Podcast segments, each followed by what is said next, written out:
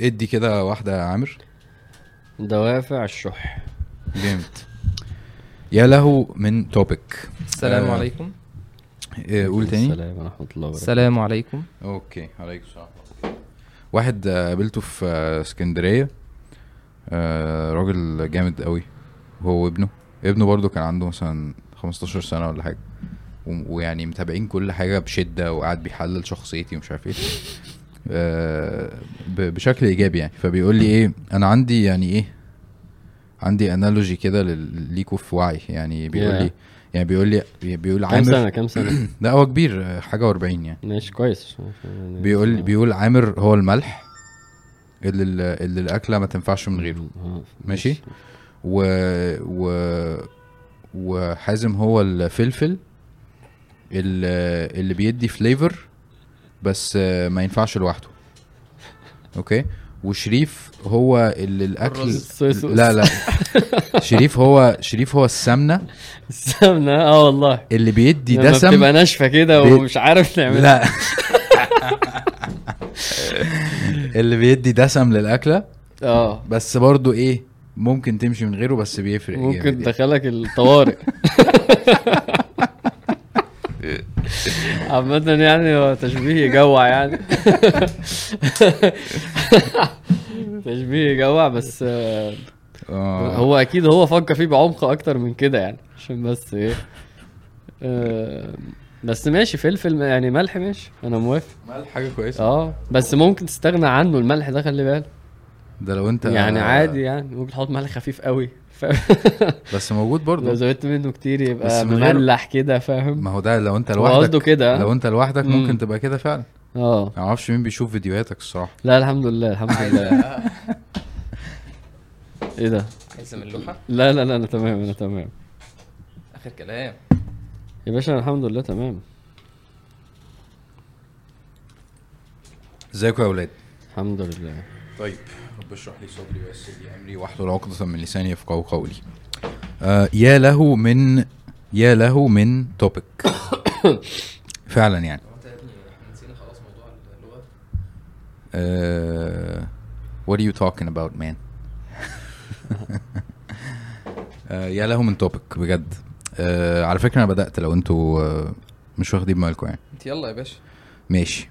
طيب اتفضل. آه أنا يعني طبعا أنا إيه uh, رجعت على ال- الكلام اللي أنتوا كاتبينه كذا مرة وقعدت أخش أسرش وحاولت أحضر وكده. آه، بس برضو الموضوع آه، عميق يعني يعني الموضوع مش مش سهل.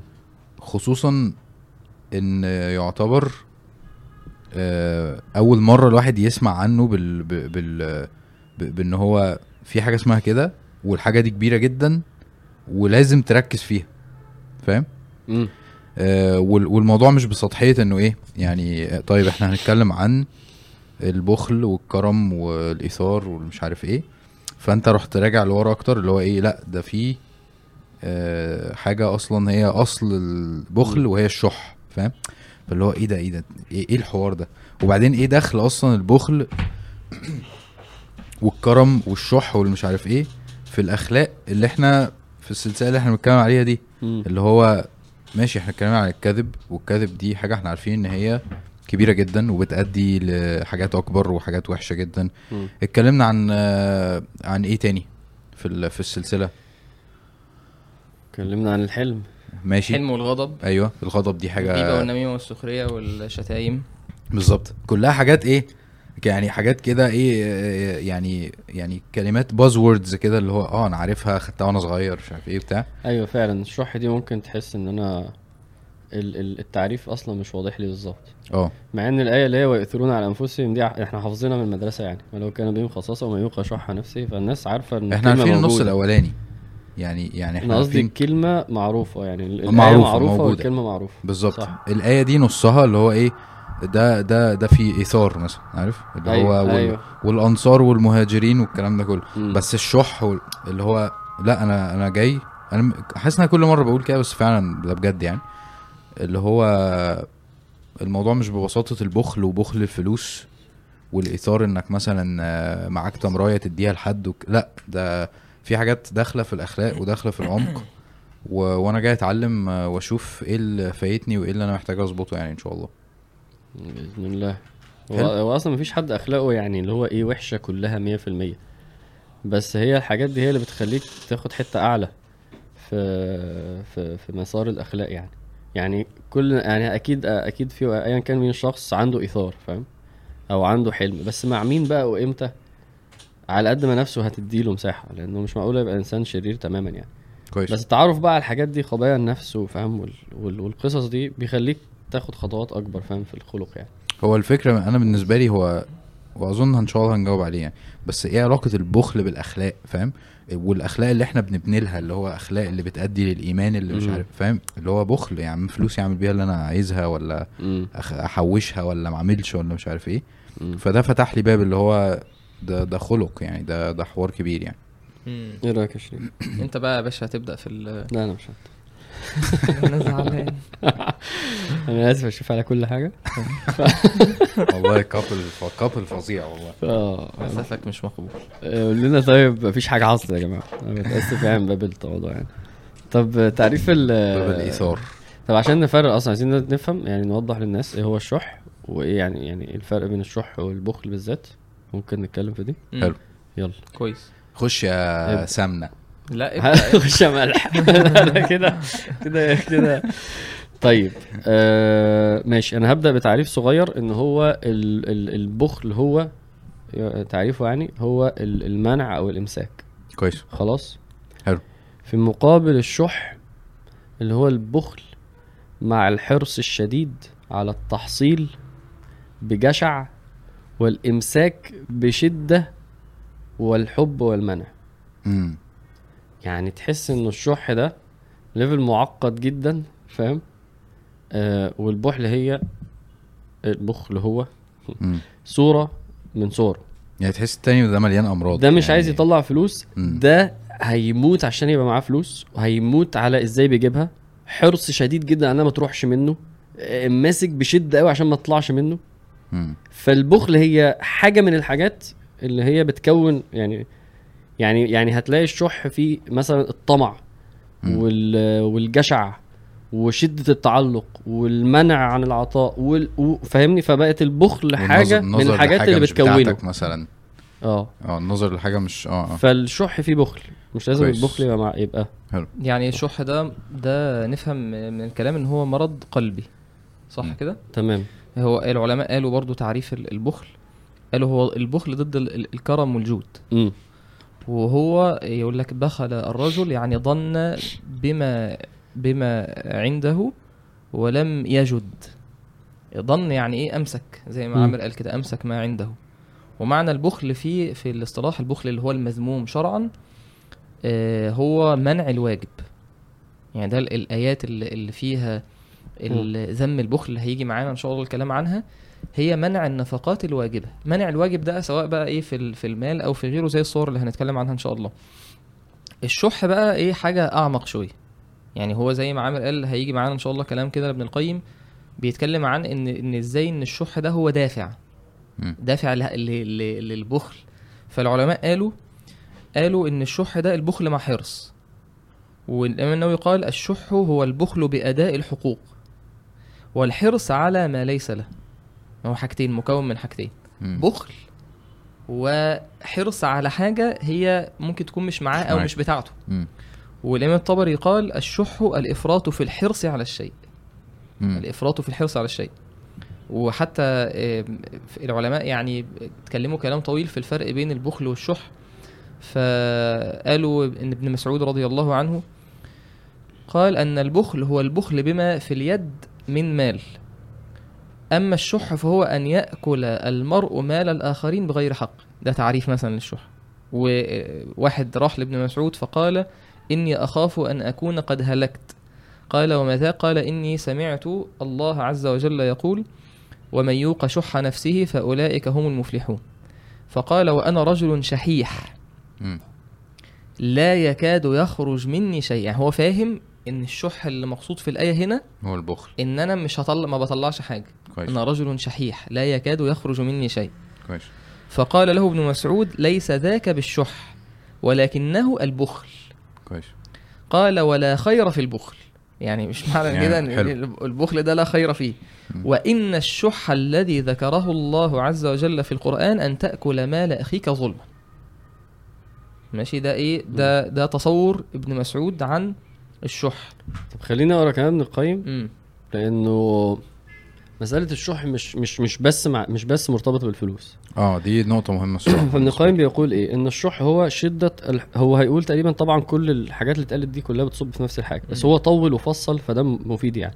قال إن الشح هو شدة الحرص على الشيء والإحفاء في طلبه والاستقصاء في تحصيله وجشع النفس عليه.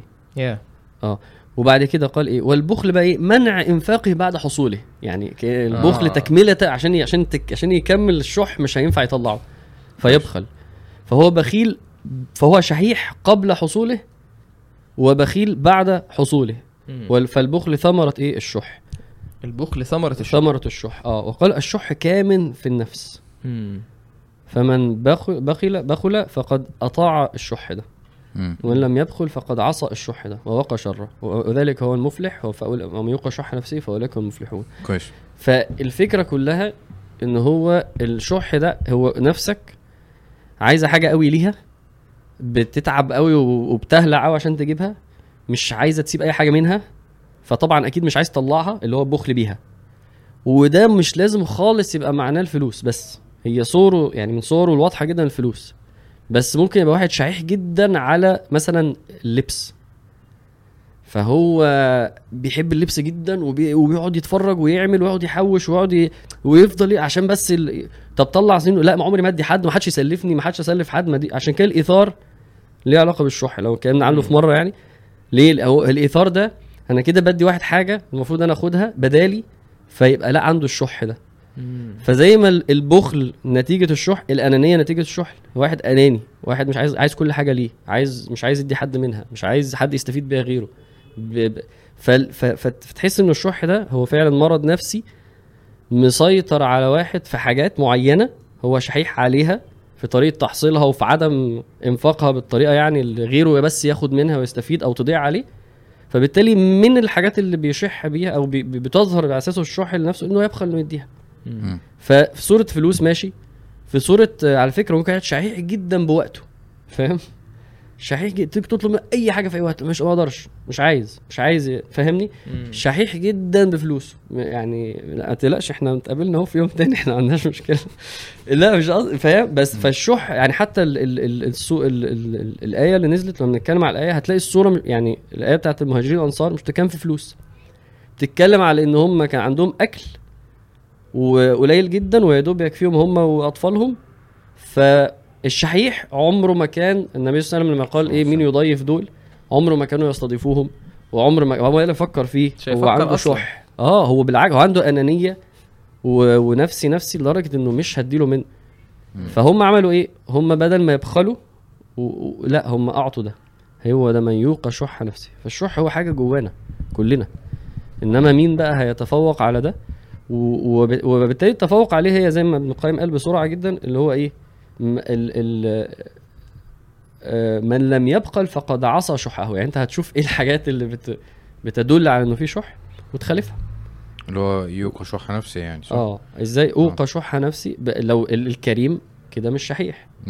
طيب، ال- آه، ال- سؤال. يؤثر مش شحيح وهكذا يعني. كده ممكن نفهم الأحاديث يعني هنا ال- ال- القرطبي رحمه الله قال آه. إن الشح هو البخل مع الحرص. وبعدين بدأ يقول ليه هو اختار الاختيار ده؟ آه.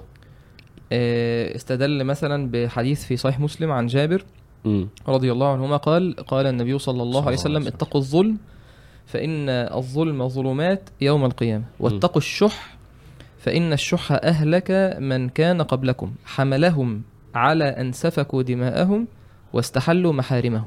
يهود يعني ولا مين؟ من كان قبلكم من كان- الأمم السابقة. امم ماشي. ماشي. ممكن بقى بني إسرائيل غير كده من الأمم يعني. ف, ف يعني حاول إيه أنا أفهم بس من كلامك إن الشح ده مرض كامن في النفس امم مرض قلبي بيحمل الإنسان على أفعال تانية. يعني إحنا قلنا حتى إن هو آه، بيبقى عنده حرص على التحصيل فقد يكون يؤدي للقتل. الحقد والحسد قد يكون يؤدي لقاء واحد يقتل واحد عشان عايز آه، حاجة معاه. وعايز حاجة تجيله. يعني ده معنى حملهم يصل- على وده دماء ده قصدي بالظبط. هو عنده شح في حتة معينة مش هيسيبها. عشان يقول لك لما نبص لها المرتب ومش هيطلع الفقير بس ده موجود.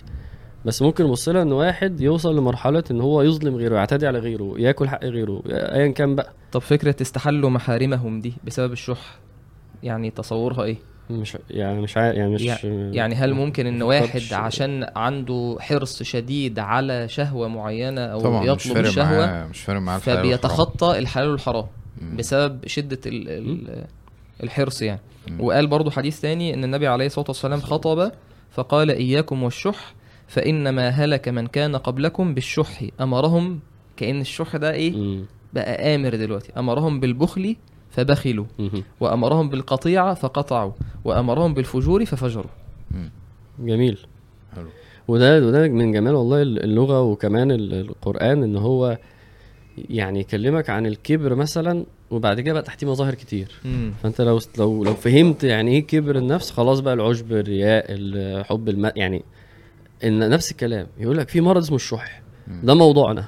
مظاهره بقى كتير. إيه هي أصلا؟ يعني ممكن يبقى واحد مظاهره في حاجة غير حاجة. واحد في الأكل زي ما قلنا. عارف لما اللي بيطلب أكل؟ ساعات كده إيه أخويا مثلا يطلب أكل يقول لي خد ويقطع. يا عم أنا بصراحة ما كنتش هقطع دي. اللي فاهم في فرق بين إيه؟ درجات الشح هنا. آه، ودي في ميمز كتيرة في موضوع الأكل ده مثلا. ففي واحد في الحتة دي.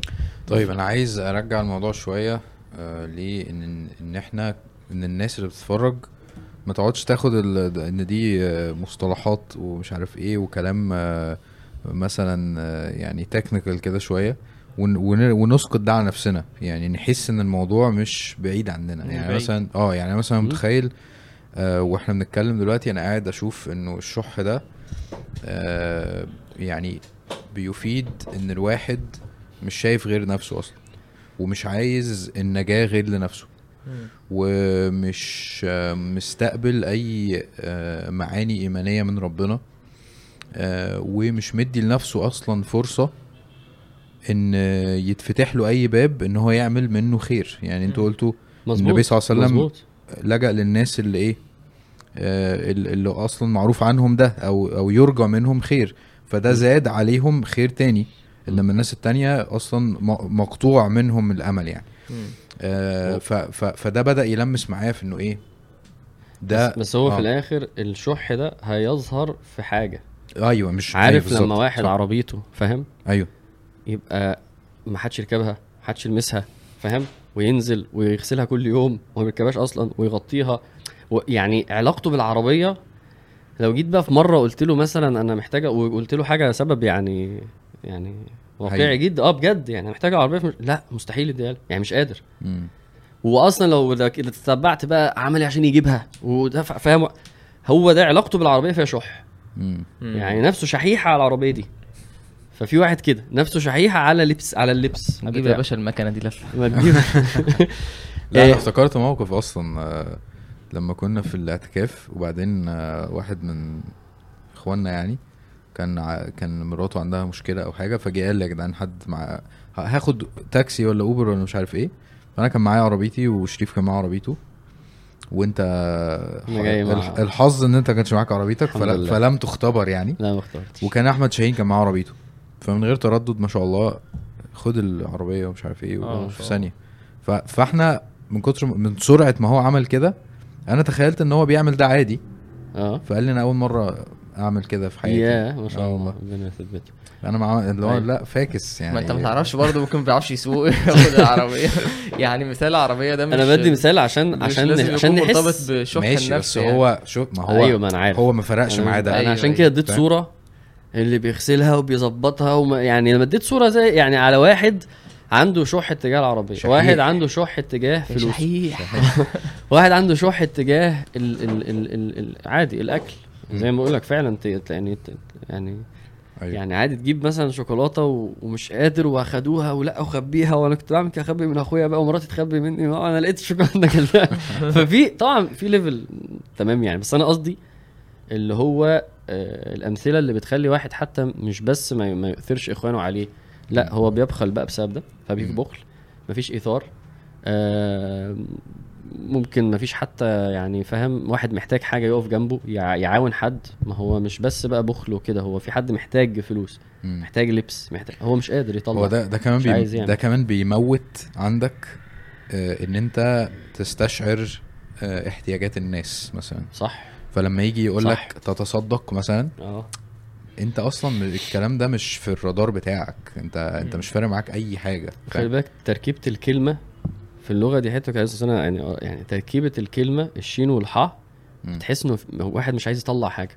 مم. وأنت بتقول شح دي وقفت. تحس إن هي آه فاضية. مفيش حاجة. هو يعني وده يعني مش بجود يعني ها؟ ده يعني آه، قريتها يعني. بس ده ده واقعي أصلا في كلمات كتيرة يعني. لم نعهد، أصلا تبقى آه، تبقى بناء الكلمة. لم نعهد عليك الت- ما أنا التجويد ما أنا يعني اللي قريت بقى ف أنت راجل على هقول بقى. بتقول الكلام ده. فلا يعني سولت باي فتركيبة الكلمة. عشان ملح فاهم؟ واضح إن هو متأثر قوي يعني. فتركيبة الكلمة بتحسسك إن أنت فعلا مش مش عايز تدي خالص ومش عايز تبذل خالص. أنا بشوفها يعني عندي في ال يعني في في الأنانية بقى شوية مع جدا. النفس وهي عايزة إيه أنا مش عايز أتعب لحد فاهم؟ مش. عايز أبذل لحد. يعني عارف لما واحد يحط بوست يا جدعان أنا العربية وقفت على الكوبري فانت اللي هو إيه يعني أنا حاضر فاهم؟ بس إيه وحد كتب فاهم؟ فانت ده ده شح أنا مش ع... أنا عندي إيه؟ وأنا مش مثلا أصل الدرس الناس هتنتكس فلازم لا هو ده ده شح في إن أنا مش عايز أبذل من وقتي ومجهودي وراحتي. آه عشان حد. طب خلينا ن... يعني ن... وقت ومجهود ننتقل. آه ننتقل. ماشي. للآيات يعني من آه. الآيات اللي ذكر فيها طيب. لفظ الشح ممكن بالظبط. إيه الصورة تبقى واضحة. شوية للناس يعني ثلاث تطبيقاتها ايات يعني. أنا طلعتهم ما أعرفش طلعتهم آه. طب ماشي أيوه ال- قول أنت أيوه وأنا حسب ال... الآية اللي ورد فيها ذكر الشح آه، ربنا سبحانه وتعالى قال وإن امرأة خافت من بعلها نشوزا أو إعراضا فلا جناح عليهما أن يصلحا بينهما صلحا والصلح خير وأحضرت الأنفس الشح في الوقت ده؟ يعني معنى آه، معنى الكلام اشرح الأول عشان ده آه، ده مثلا آه، وقت خلاف بين الرجل والمرأة رجل و- وزوجته ماشي؟ خلاص وقت مثلا طلاق أو كده. فكل آه. واحد في الوقت ده بيبقى إيه؟ بيبقى متمسك قوي بحقوقه. بال بالحقوق ومش عايز إن هو نفسه شحيحة مش عايز إن هو يتنازل عن أي حاجة م- يعني حتة صغيرة بس كده من الحق. ف... فهنا الآيات ربنا سبحانه وتعالى بيقول وإن امرأة خافت من بعلها نشوزا أو اعراضا. يعني لو لو لو واحد مثلا هيطلق زوجته القصة كانت في الح- كان حديث في قصة آه، سيدة سودة رضي الله عنها. إن هي آه، يعني اختارت إن النبي عليه الصلاة والسلام لا لا يطلقها وإن هي تهب الليلة بتاعتها لعائشة رضي الله عنها. اما كنتش أنا غلطان يعني في إن ده من تفسير الآية يعني. ف فربنا سبحانه وتعالى قال فلا جناح عليهما أن يصلح بينهما صلحا والصلح خير. إن الإنسان ي... الصلح في إن الإنسان يتنازل عن إيه. عن جزء من الحق. أو ي- أو ي- يرضى بقسمة العدل. آه يعني بس هو إيه الخ... كان إيه الخلاف؟ يعني هي يعني يعني مش مش مش قارئ تفسير الآية ال- أوي. الآية أنا قريت أنا قريت في ال- في في التفسير يعني آه إن هو هنا بيتكلم عن إيه هو في هو دلوقتي في مشاكل بين واحد ومراته بغض. النظر عن سبب نزول سبب أو نزول. إسقاطها أه مم. ففي دلوقتي أوبشن من اتنين يا يتطلقوا يا يس- يصطلحوا كويس فربنا بيقول هنا والصلح خير وأحضرت الأنفس الشح يعني وهم بيصطلحوا هو بيصطلحوا على إيه؟ إن هو دلوقتي آه آه نش... إعراضا يعني ممكن يبقى هيتزوج واحدة تانية مم. فهي دلوقتي لو هيصطلحوا خلي بالكم الشح كويس عشان حق الغير مم. اللي هي الزوجة التانية وقسمة العدل هتحصل بسبب الاصطلاح ده كويس. فالشح هو نفس الكلام اللي الشيخ بيقوله هيبقى بيمنع واحد عن العدل لأنه هو عايز حق مم. غيره وعايز أكتر من حقه ومش عايز آه، مم. هو تنبيه. هو توجيه للراجل. ولل طبعا. وحتى الآية اللي بعديها. بقى اللي هي إيه؟ وإن يتفرقا يغني الله كل من سعته اللي هو بقى الاوبشن التاني. لو هم إيه؟ كو- كون إن ربنا سبحانه وتعالى في المو... في المواقف يقول لك إنه أنت في الوضع ده هتحس بكذا. مم. حاجة رهيبة الصراحة. آه. هو أنت- الشيخ سعدي قال إن النفوس جبلت على الشح آه. وعدم الرغبة في بذل ما على الإنسان. بالظبط إن أنا مش عايز مم. أتنازل عن حتة من ما. عليه يعني سبحان الله. اللي مش عليه زيادة حتى قال. والحرص على الحق الذي له يعني أنا مش عايز أطلع أي حاجة وفي نفس الوقت عايز آخد كل إيه كل اللي ليا كامل مم. قال فالنفوس مجبولة على ذلك طبعا وفي الآخر يعني بيقول لو الإنسان لو أنتوا عايزين تصطلحوا فالصلح ده ممكن معنى إن الإنسان يتنازل عشان إيه هنقرب هنا شوية هنقرب هنا شوية مم. مش هينفع ده بالشح يتنازل مم. فلو الشح موجود بين الطرفين الصلح هيبقى صعب. صح. وصل الفكرة. يعني فده من- ده من الصور اللي ربنا. سبحانه وتعالى تكلم فيها عن الشح. خش يا عمور. ال- الآية اللي إحنا آه، الآية اللي إحنا قلناها اللي هي بتاعت سورة الحشر اللي هي بتاعت الموقف بتاع المهاج- المهاجرين الأنصار ويؤثرون على أنفسهم ولو كان بهم خصاص. ومن. يوق شح نفسه فأولئك هم المفلحون. فهنا ال ال آه، الشح هنا ظهر عكسه واتقاؤه. في إيثار الغير على النفس في اللي بتمتلكه وتشتهيه. كويس. يعني هم الصحابي والصحابية آه، هي سهت ولاده لحد ما ناموا وخلاص وعملوا نفسهم بياكلوا وهم جعانين عشان الضيف ياكل. موقف صعب جدا آه الصراحة. النبي وطفوا صلى الله عليه النور طفوا النور آه عشان ما يشوفش عشان يحسش. عشان ما يشوفش إن هم مش بياكلوا. آه وده موقف عجيب لأن النبي كمل صلى الله عليه الحديث عشان بقية ال... يعني ال... الكلمة بتاعت النبي صلى الله عليه وسلم إنه قال إن ربنا سبحانه عجب وتعالى الله من فعلكم. أو ضحك. من, من صنعكم. آه ضحك. ضحك الله من صنعكم. في الليل. الروايتين آه. عجيبة وضحكة. ف آه لأن هو فعل عظيم لأن هو واحد في موقف جوع.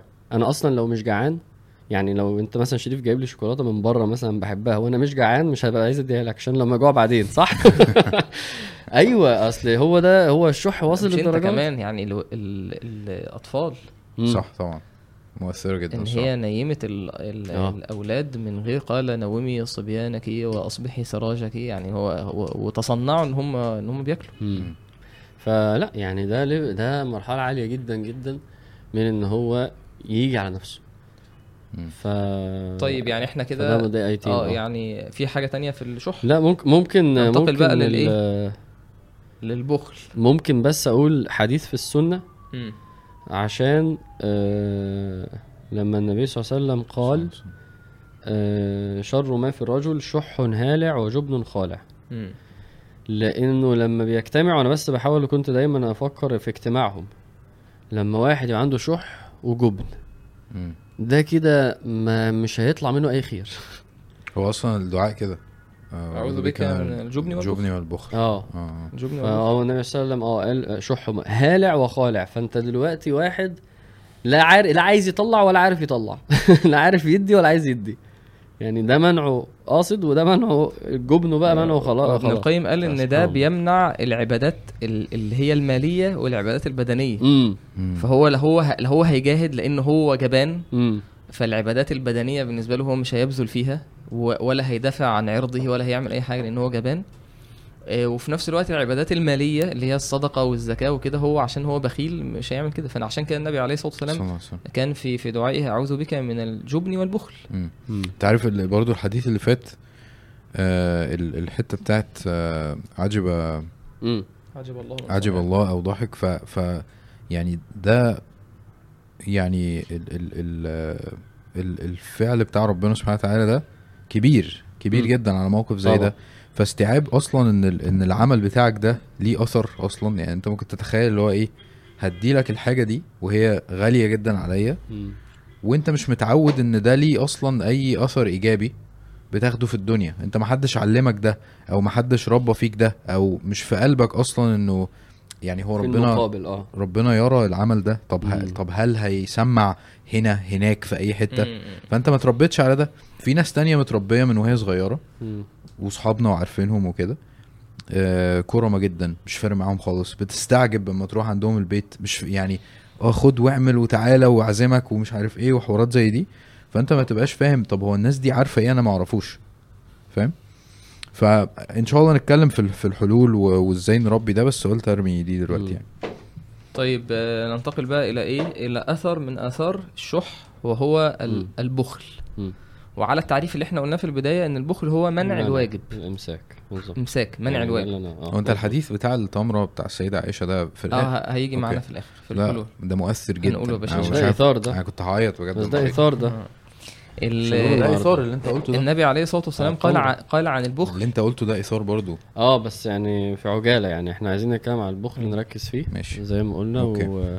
النبي عليه الصلاة والسلام والكرم طبعا هيجي معانا آه. آه آه. قال اي وأي داء أدوأ من البخل لما لما مم. سيدنا جابر قال لما قدم رسول الله صلى الله عليه وسلم المدينة آه، قال من سي من سيدكم يا بني آه. سلمة فقالوا عجيب. جد بن قيس مم. آه، قالوا على أن نبخله يعني هو ده هو سيدنا هو لما النبي عليه الصلاة والسلام هاجر المدينة فالقبيلة اللي هي قوم سيدنا سلمة. كعب بني سلمة فقال من سيدكم قالوا جد بن قيس على أن نبخله. يعني هو سيدنا بس هو إيه؟ بخيل. شوية. بخيل. يعني يمنع الحقوق وكده وصعب يعني. فالنبي عليه الصلاة والسلام قال لهم إن ده لا- يصلح للسيادة. مم. ماشي. هو هو كان في حزب ابن سلول يعني يعني من من آه. النفاق يعني. فقال وأي داء أدوى أو ادوى من البخل. هو يعني مفيش داء مم. يصيب الإنسان أشد من داء البخل. فقال بل سيدكم عمرو بن الجموح. وهو كان كان كريم وكان بي بي لما النبي عليه الصلاة والسلام يتزوج كان بيولم على النبي عليه الصلاة والسلام. يعني بيعمل وليمة يعني إيه للنبي عليه الصلاة والسلام وقال حتى إن هو كان آه، قال كان لكنه أسلم وحسن اسلامه ومن. كرمه أنه كان يولم عن رسول الله صلى الله عليه وسلم إذا تزوج ده يعني- فرح آه، السيدة آه، لا. لا في عموما يعني. أوكي. ماشي مش شاهدوا يعني إن هو. استشهد في واحد. آه قال آه، آه، فاحنا إيه قلنا كده؟ إيه؟ إن البخل هو منع الواجب. طيب منع الواجب ده اللي هو إيه؟ اللي هو البخل المذموم اللي هو من الكبائر. اللي فيه الوعيد الشديد. هو منع الزكاة منع الحق. مم. منع الحق منع النفقة الواجبة مم. فمن صورها إن إنسان راجل يكون غني من الأغنياء ومعاه فلوس وعدت النصاب والمفروض واجب عليه الزكاة ويبخل إن هو يطلع الفلوس كان كان الشيخ سعيد الكملي ربنا يحفظه بيحكي في في درس قبل كده عن يعني رجل من الأغنياء أظن في المغرب يعني حاجة كده يعني المهم إن هو كان كان ليه زي زي زي أراضي بتطلع محصول حاجة بقى يعني بت- بتتعبى في شكاير يعني كده يعني. فالمهم كان بيطلع المفروض إن هو إيه بيطلع من كل عشر شكاير شكارة أيوه يعني ده ده العشر. إيه ده العشر يعني ده ال- ال- الزكاة بتاعته كده. ف ففضل إيه خلاص قال لهم أنتوا إيه التسع شكاير أهو دول اللي هم بتوعي حاجتي ودي الشكارة اللي هي بتطلع بتاعت إيه. الزكاة أنا هروح مشوار وه- وهرجع علشان إيه خلاص على ما تخلصوا يعني فلما رجع لقى الكومة بتاعت إيه بتاعت الزكاه كبيرة. مم. يعني أنت متخيل؟ يعني أنت لو لو بيطلع لك مثلا هنا هنا 900 هنا 100 مم. المية ده كتير قوي فهو بص لما لقى الكومه بتاعت الزكاه كتير قال ما هذا؟ ردوه. مم. سبحان الله. ففكره إن هو يمنع بخلا ده من الشح يعني ده ده من آثار الشح. إحنا مش في إحنا مش مش آه، يعني مش براء من ده الصراحة. يعني الواحد يعني يخاف على نفسه من ده. ما هو يعني انت ممكن مثلا في في مساحة إيه، لما يكون مثلا واحد ثروته مثلا مئة ألف ويجي يحسب آه. الزكاة فيلاقي مثلا الزكاة ألفين ونص. فماشي أيوه أيوه إنما لو واحد تلاقي مثلا معاه معاه في البنك 100 مثلا مليون. 50 مليون 100 مليون فيجي يحسب يلاقي لأ يعني مت- يعني ال 100 مليون. 2.5 2 ونص 2 مليون. ونص يعني 2 2 يعني مليون ونص. في- فيلا في مراسي. 2 مليون ونص فيقعد يحسبها أنا أجيب عربية طب أجيب عربية لابني طب أعمل مش عارف إيه ده أنا ألف آه. بيهم أسافر ألف بيهم العالم طب بالظبط. فالحسبة كل ما مم. فلوس بتزيد كل ما لأ بيفكر. رغم إن 2.5% ربنا سبحانه وتعالى دي دي النسبة 2.5% والإنسان بينفق المال ده وربنا سبحانه وتعالى شكور. يعني يثيب الإنسان هو اللي رزق الإنسان المال هو اللي رزقك المال ده وهو اللي وفقك إن أنت تنفق وعلمك إزاي إن أنت تطلع الزكاة. ولما تطلع الزكاة تثاب على الإنفاق. وربنا سبحانه وتعالى يخلف عليك خيرا. لا ينقص المال لا ينقص. والمال لا ينقص. بل ربنا يبارك في المال. ومع ذلك إنسان إيه؟ شحيح. وتحبون المال حبا جما وفي معنى ال- ال- ال- الشح الهالع زي ما جه في سورة ال- المعارج إن الإنسان خلق هلوعا إذا مسه الشر جزوعا وإذا مسه الخير منوع منوعا. مم. لما يجي له المال يمسك. فالنبي عليه الصلاة والسلام قال في في في شأن مانع الزكاة ده ده هو هنا أنت مش بتمنع الصدقة اللي هي نافلة زيادة. لا ده البخل هنا أنت بتمنع الزكاة الحق. يعني دي ده حق الفقير مم. يعني انت هنا انت هنا بخيل وظالم لأن دي مش فلوسك ما هو ده المعنى أنا مت... أنا متأكد إن هو غايب عن عن الناس يعني أيوه دي مش عارفين- فلوسك أيوه إحنا عارفين إن في حاجة اسمها زكاة وإن هي من الأركان ده لو الواحد أصلا فاكر ده لو الواحد فاكر إن هي حجمها في الإسلام إيه بس إحنا مش متصل عندنا إنه آه هي دي فعلا بتروح لفقير ما هو أيوة. ربنا يصرفها صح. بقى فاهم. يعني المعنى ده قصدي لو اتربى عندنا. أنا عايز أقول لك إن في ناس بتطلع الزكاة بالبركة. يعني هو إيه هو هو زكاة ماله أكتر بكتير من اللي هو بيطلعه. مم. هو بيجي كده إيه يقوم يط- يطلع خمسين ألف. يا عم أنت عليك أصلا زكاة مليون جنيه. مم. ففي ناس عايشة كده. يعني لو يعني في أغنياء عايشين هو ما بيطلعش أصلا الزكاة. لو بيطلع بيطلع كده إيه يعني الفتات فالنبي عليه الصلاة والسلام آه، آه، قال إن من آتاه الله مالا فلم يؤدي زكاته. مثل له ماله يوم القيامة شجاعا أقرع له زبيبتان المال ده يمثل لي في يوم القيامة ثعبان أقرع له زبيبتان قال ف... ف... فيطوقه يوم القيامة. الثعبان ده إيه؟ مم. يلف. يلف حواليه. ويأخذ بلهزمتيه. ي... يعض على إيه؟ على شدقيه كده. ويقول له أنا مالك أنا كنزك. مش الشح ده خلى. اللف عليه مشهد صعب. صح. ثم تلا رسول الله صلى الله عليه وسلم هذه الآية ولا يحسبن الذين يبخلون بما آتاهم الله من فضله هو خيرا لهم بل هو شر لهم. سيطوقون ما بخلوا به يوم القيامة. فمنع. منع الزكاة منع الزكاة ده ده من صور الشح والبخل. في سورة التوبة إن الذين يكنزون الذهب والفضة ولا ينفقون في والذين والذين يكنزون الذهب والفضة ولا ينفقونها في سبيل الله فبشرهم بعذاب أليم يوم يحمى عليها في نار جهنم فتكوى بها جباههم وجنوبهم وظهورهم. يا الله. بعد كده يقال لهم هذا ما كنزتم لأنفسكم. بس الكنز ده معناه إيه؟ اللي هو إن أنا ما أديش الزكاة. الحق. كنز آه. ومش مش إن أنت تدخر. أوكي تمام. ماشي؟ الزكاة. يعني الكنز يعني منع الزكاة. كويس.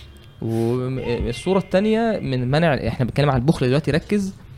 البخل فيه بخل اللي هو البخل الايه اللي مش اللي واصل لدرجة ال- الوعيد الشديد اللي في القرآن اللي هو بقى البخل اللي في النفس ده.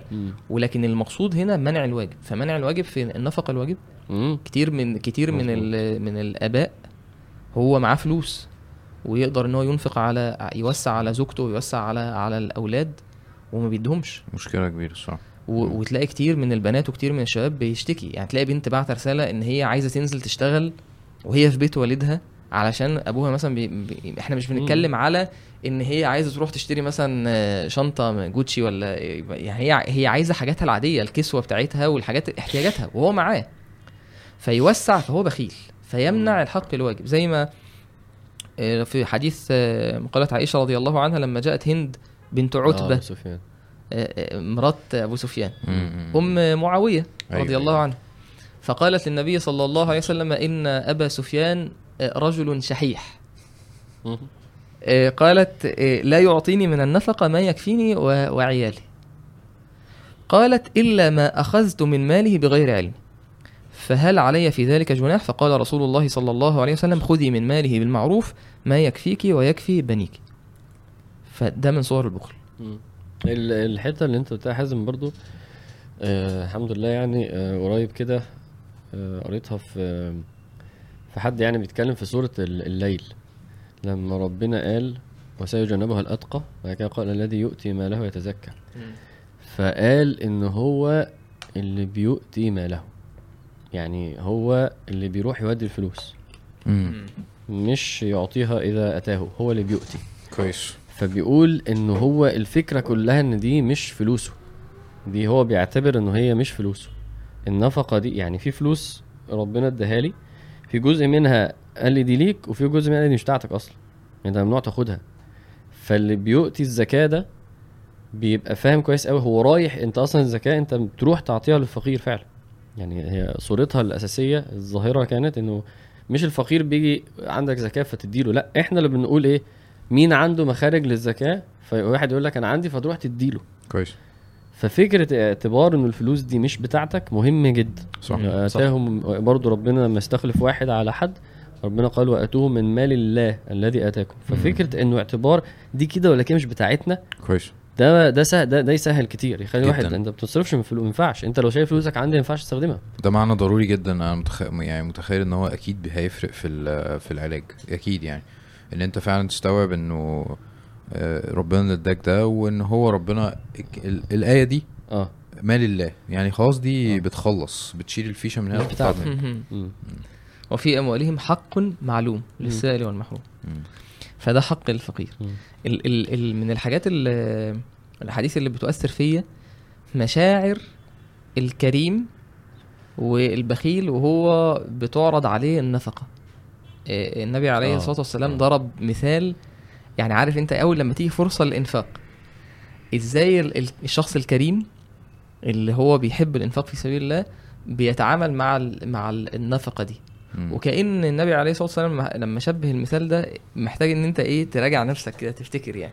فقال قال أبو هريرة رضي الله عنه ضرب الله مثلا آه، ضرب الله مثل ضرب رسول الله صلى الله عليه وسلم مثل البخيل والمتصدق كمثل كمثل رجلين عليهما جبتان من حديد يعني اتنين لابسين درع حديد. قد اضطرت أيديهما إلى ثديهما وتراقيهما يعني خلاص هو مخنوق والدرع ضيقة جدا عليه وإيده لازقة كده إيه؟ إلى ثديهما وتراقيهما فمش قادر إن هو إيه يعني خلاص متكتف. فقال فجعل المتصدق كلما تصدق بصدقة انبسطت عنه. أول لما يجي يتصدق هو علشان هو من جواه نفسه طيبة ونفسه هو حابب إن هو يطلع مم. فنفسه منبسطة للصدقة فكأن الدرع الضيقة دي هي بتعمل إيه مم. بتفك تنبسط بتوسع سبحان الله انبسطت عنه حتى تغشى أنامله وتعفو أثره تغشى أنامله يعني هي هي الكرم والإنفاق غطى الذنوب بتاعته وغطى العيوب بتاعته. وتعفو أثره يعني عفو الأثر يعني. بتشيل إيه خطايا الخطايا والأثر. بتاعه حتى حتى هيجي معانا إن شاء الله في كلام العرب يعني والشعر عن عن الكرم وكده إن الكرم ده إيه مم. بيغطي مم. بيغطي على كل العيوب على كل. كل الآفات اللي عند الإنسان قال لك بقى إيه وجعل البخيل كلما هم بصدقه. يعني هو بس أول. لما إيه يفكر في الصدقة قال قلصت وأخذت كل حلقة بمكانها الدرع بتضيق عليه قال أبو هريرة فقال يوسعها فلا تتسع. شوف أصلا العكس هو اللي. الواحد بيتخيله إن أنت أنا هتصدق فأنا بضيق على نفسي بضيق من الفلوس بضيق من الرزق بضيق من ال- مش عارف الخير الكلام ده كله. فدي برضو من الحاجات اللي بت بتعيد تعريف ال- الأفعال عندنا إن هو الصدقة دي بتوسع أصلا كل الكلام ده لا هو كمان ال- المشاهد جدا إنه لما الواحد بيوقى شح نفسه و آه، يبذل م- يعني من من اللي هو عايزه لغيره بيبقى ليها أثر رهيب جدا يعني مم. بس كمان لما تتحط في الطريقة الصح بالموقف الصح عارف لما لما تنزل تجيب آه، لحد هدية هو نفسه فيها لما تعملها بجد يعني لما تعملها كده وتبقى وتبقى وتبقى زي ما المفروض تتعمل. الريورد اللي بترجع للنفس بتبقى فظيعة صح و... وعلى. ويعني سبحان الله ده من الفطرة لأن الغرب حتى لو هو مش مسلم أصلا بي... بيستشعر ده وفي ناس بتنادي دايما ده ويقول لك قد إيه على أعمال الخير دي ولما بنساعدهم ولما بنديهم لما بنبذل قد إيه بحس براحة قد إيه بحس فهو فلما الواحد بيعمل ده كمان لله للمسلمين وهو عارف كمان أثر ده في الآخرة بتبقى ال- الأثر ال- النفسي في الدنيا بيبقى رهيب جدا. من إن أنت ال- ال- اللي هو الوسع أنت بتقوله ده. حلو. استشعار لذة آه هو لذة العطاء. بس آه النفس الأول فاهم؟ تديك مساحة. ما هي هي طب سؤال. فاكرة إن هي آه. كده مرتاحة أكتر. يعني إيه ال... إيه ال- الدوافع النفسية للبخل والشح؟ يعني إيه إيه دافع الإنسان؟ ماشي نمسك انت بقى. ممكن تكلمنا انت عن ال... ال... يعني إيه الحاجة اللي بتخلي الإنسان كده؟ يعني هل أنا مولود شحيح وبخيل ولا يعني في دوافع عند الإنسان تانية هي اللي بتوصل للحالة دي؟ في مثلا آه، والنتائج بتاعة البخل والشح ده أثرها إيه؟ أنا كاتب شوية حاجات في ال... في ال... عن البخل يعني. إنه مثلا الفقر أو الحالة المادية أو مثلا ظروف ال- المكان اللي أنت عايش فيه. آه يعني تقصد إن دي من من الأسباب اللي بتدفع إن الإنسان آه، يبقى شحيح. آه أنت أنت متعود على ده ومتربي على ده و متربي على ده دي حاجة تانية. ما ما التربية دي بن- برضو حاجة تانية عامل تاني. بس قصدي إن الفقر ممكن يدفعك لده. الفقر ماشي. آه ما هي التربية دي التربية دي وده متصور يعني. متصور بالظبط. عندنا يعني. التربية دي هي في الآخر أفكار بتتزرع. بالظبط. بندور على الأفكار دي. آه، ضياع المال ده فكرة أساسية. ضياع يعني إن أنت لما تطلع فلوس دي كده ايكوال إن فلوسك راحت. أنت كده أنت أولى بيها. مم. ففكرة ضياع المال و... وال- والخوف على الرزق بقى نفسه برضو إنه مش بس ضياع المال ما هي الفلوس هتيجي منين أصلا؟ إحنا معناش بالظبط. غير ده. اللي هو أنا اشتغلت طول حياتي بره وما فيش شغل دلوقتي. يعني الناس اللي بتشتغل غالبا في. الخليج أو في الحاجة الاماكن دي. بعد كده بيجوا سن المعاش بيرجعوا البلد. اللي هو أنا اشتغلت طول حياتي عشان ده. و... واصلا ما فيش بقى علاقات إنسانية. أنا كل حياتي أصلا بجمع فلوس. فدلوقتي صعب جدا إن أنا أصرف من الفلوس دي عشان ما فيش مصدر تاني للرزق. فالتعامل أصلا ما بيبقاش مظبوط خالص. اللي هو ربنا اللي رزقك فأنت المفروض تستوعب إن أنت بتتصدق على أولادك بال... يعني في برضو في برضو شوية مفاهيم لو مش حاضرة. زي مثلا إن كل الفلوس أنت بتصرفها على أولادك أو صدقة. على نفسك صدقة؟ فاهم؟ وإن الصدقة دي مش. مش بتنقص من المال. فالمفاهيم صح صح. تصور إن هو أنت كده بتطلع الفلوس دي كل حاجة حصلت إن أنت خسرت. بالظبط. خسرت الفلوس دي خسرت إنك تنتفع بيها. آه، فهو عشان كده بقول لك ضياع الفلوس. هو متصور إن أنا إن أنا بضيع. أيوه. إن أنا برمي حاجة أنا ما كده ما, ما جاتليش في أي بفايدة. بالظبط. غياب المعنى برضو من أسباب. غياب غياب المفهوم بتاع المفهوم الصحيح بتاع الرزق. آه. إنه أنت مين اللي بيرزقك أصلا. مين اللي رزقك الفلوس اللي أنت خايف عليها دي؟ صح. عارف. فدي برضو ده سبب. رئيسي. يبقى دول آه، الحاجتين اللي قلناهم إن واحد خايف فلوس تروح وخايف إن هي ما تجيش تاني. مم، لو قلنا كده يعني اللي هو الرزق يعني. بالظبط. آه اللي أنا متصوره هو اللي إحنا قلناه برضو عشان نبقى قلنا يعني اللي أنا لسه قايله عشان بس نقوله في النقط دي ان هو مش مدرك قيمة العطاء. قيمة العطاء الدنيوية. على عليه هو. مش مدرك قيمة العطاء من مش ربنا مدرك يعني؟ قيمة العطاء؟ لا مش مدرك الن- النفسي ال- آه، لما يعمل كده. للعطاء. آه آه أيوه أيوه. أنا دي حاجة أنا شايف إن أنا مت... يعني ما حدش قال لي على فكرة أنت صح. لو بربي ابني يعني أنت كل ما تدي هتتبسط أكتر هترتاح أكتر هتحس إنك مبسوط. لما تلاقي نفسك ساعدت حد واديت حد ده حاجة هتخليك مرتاح جدا يعني محدش قال لي إنه نفسيا ده أحسن لك.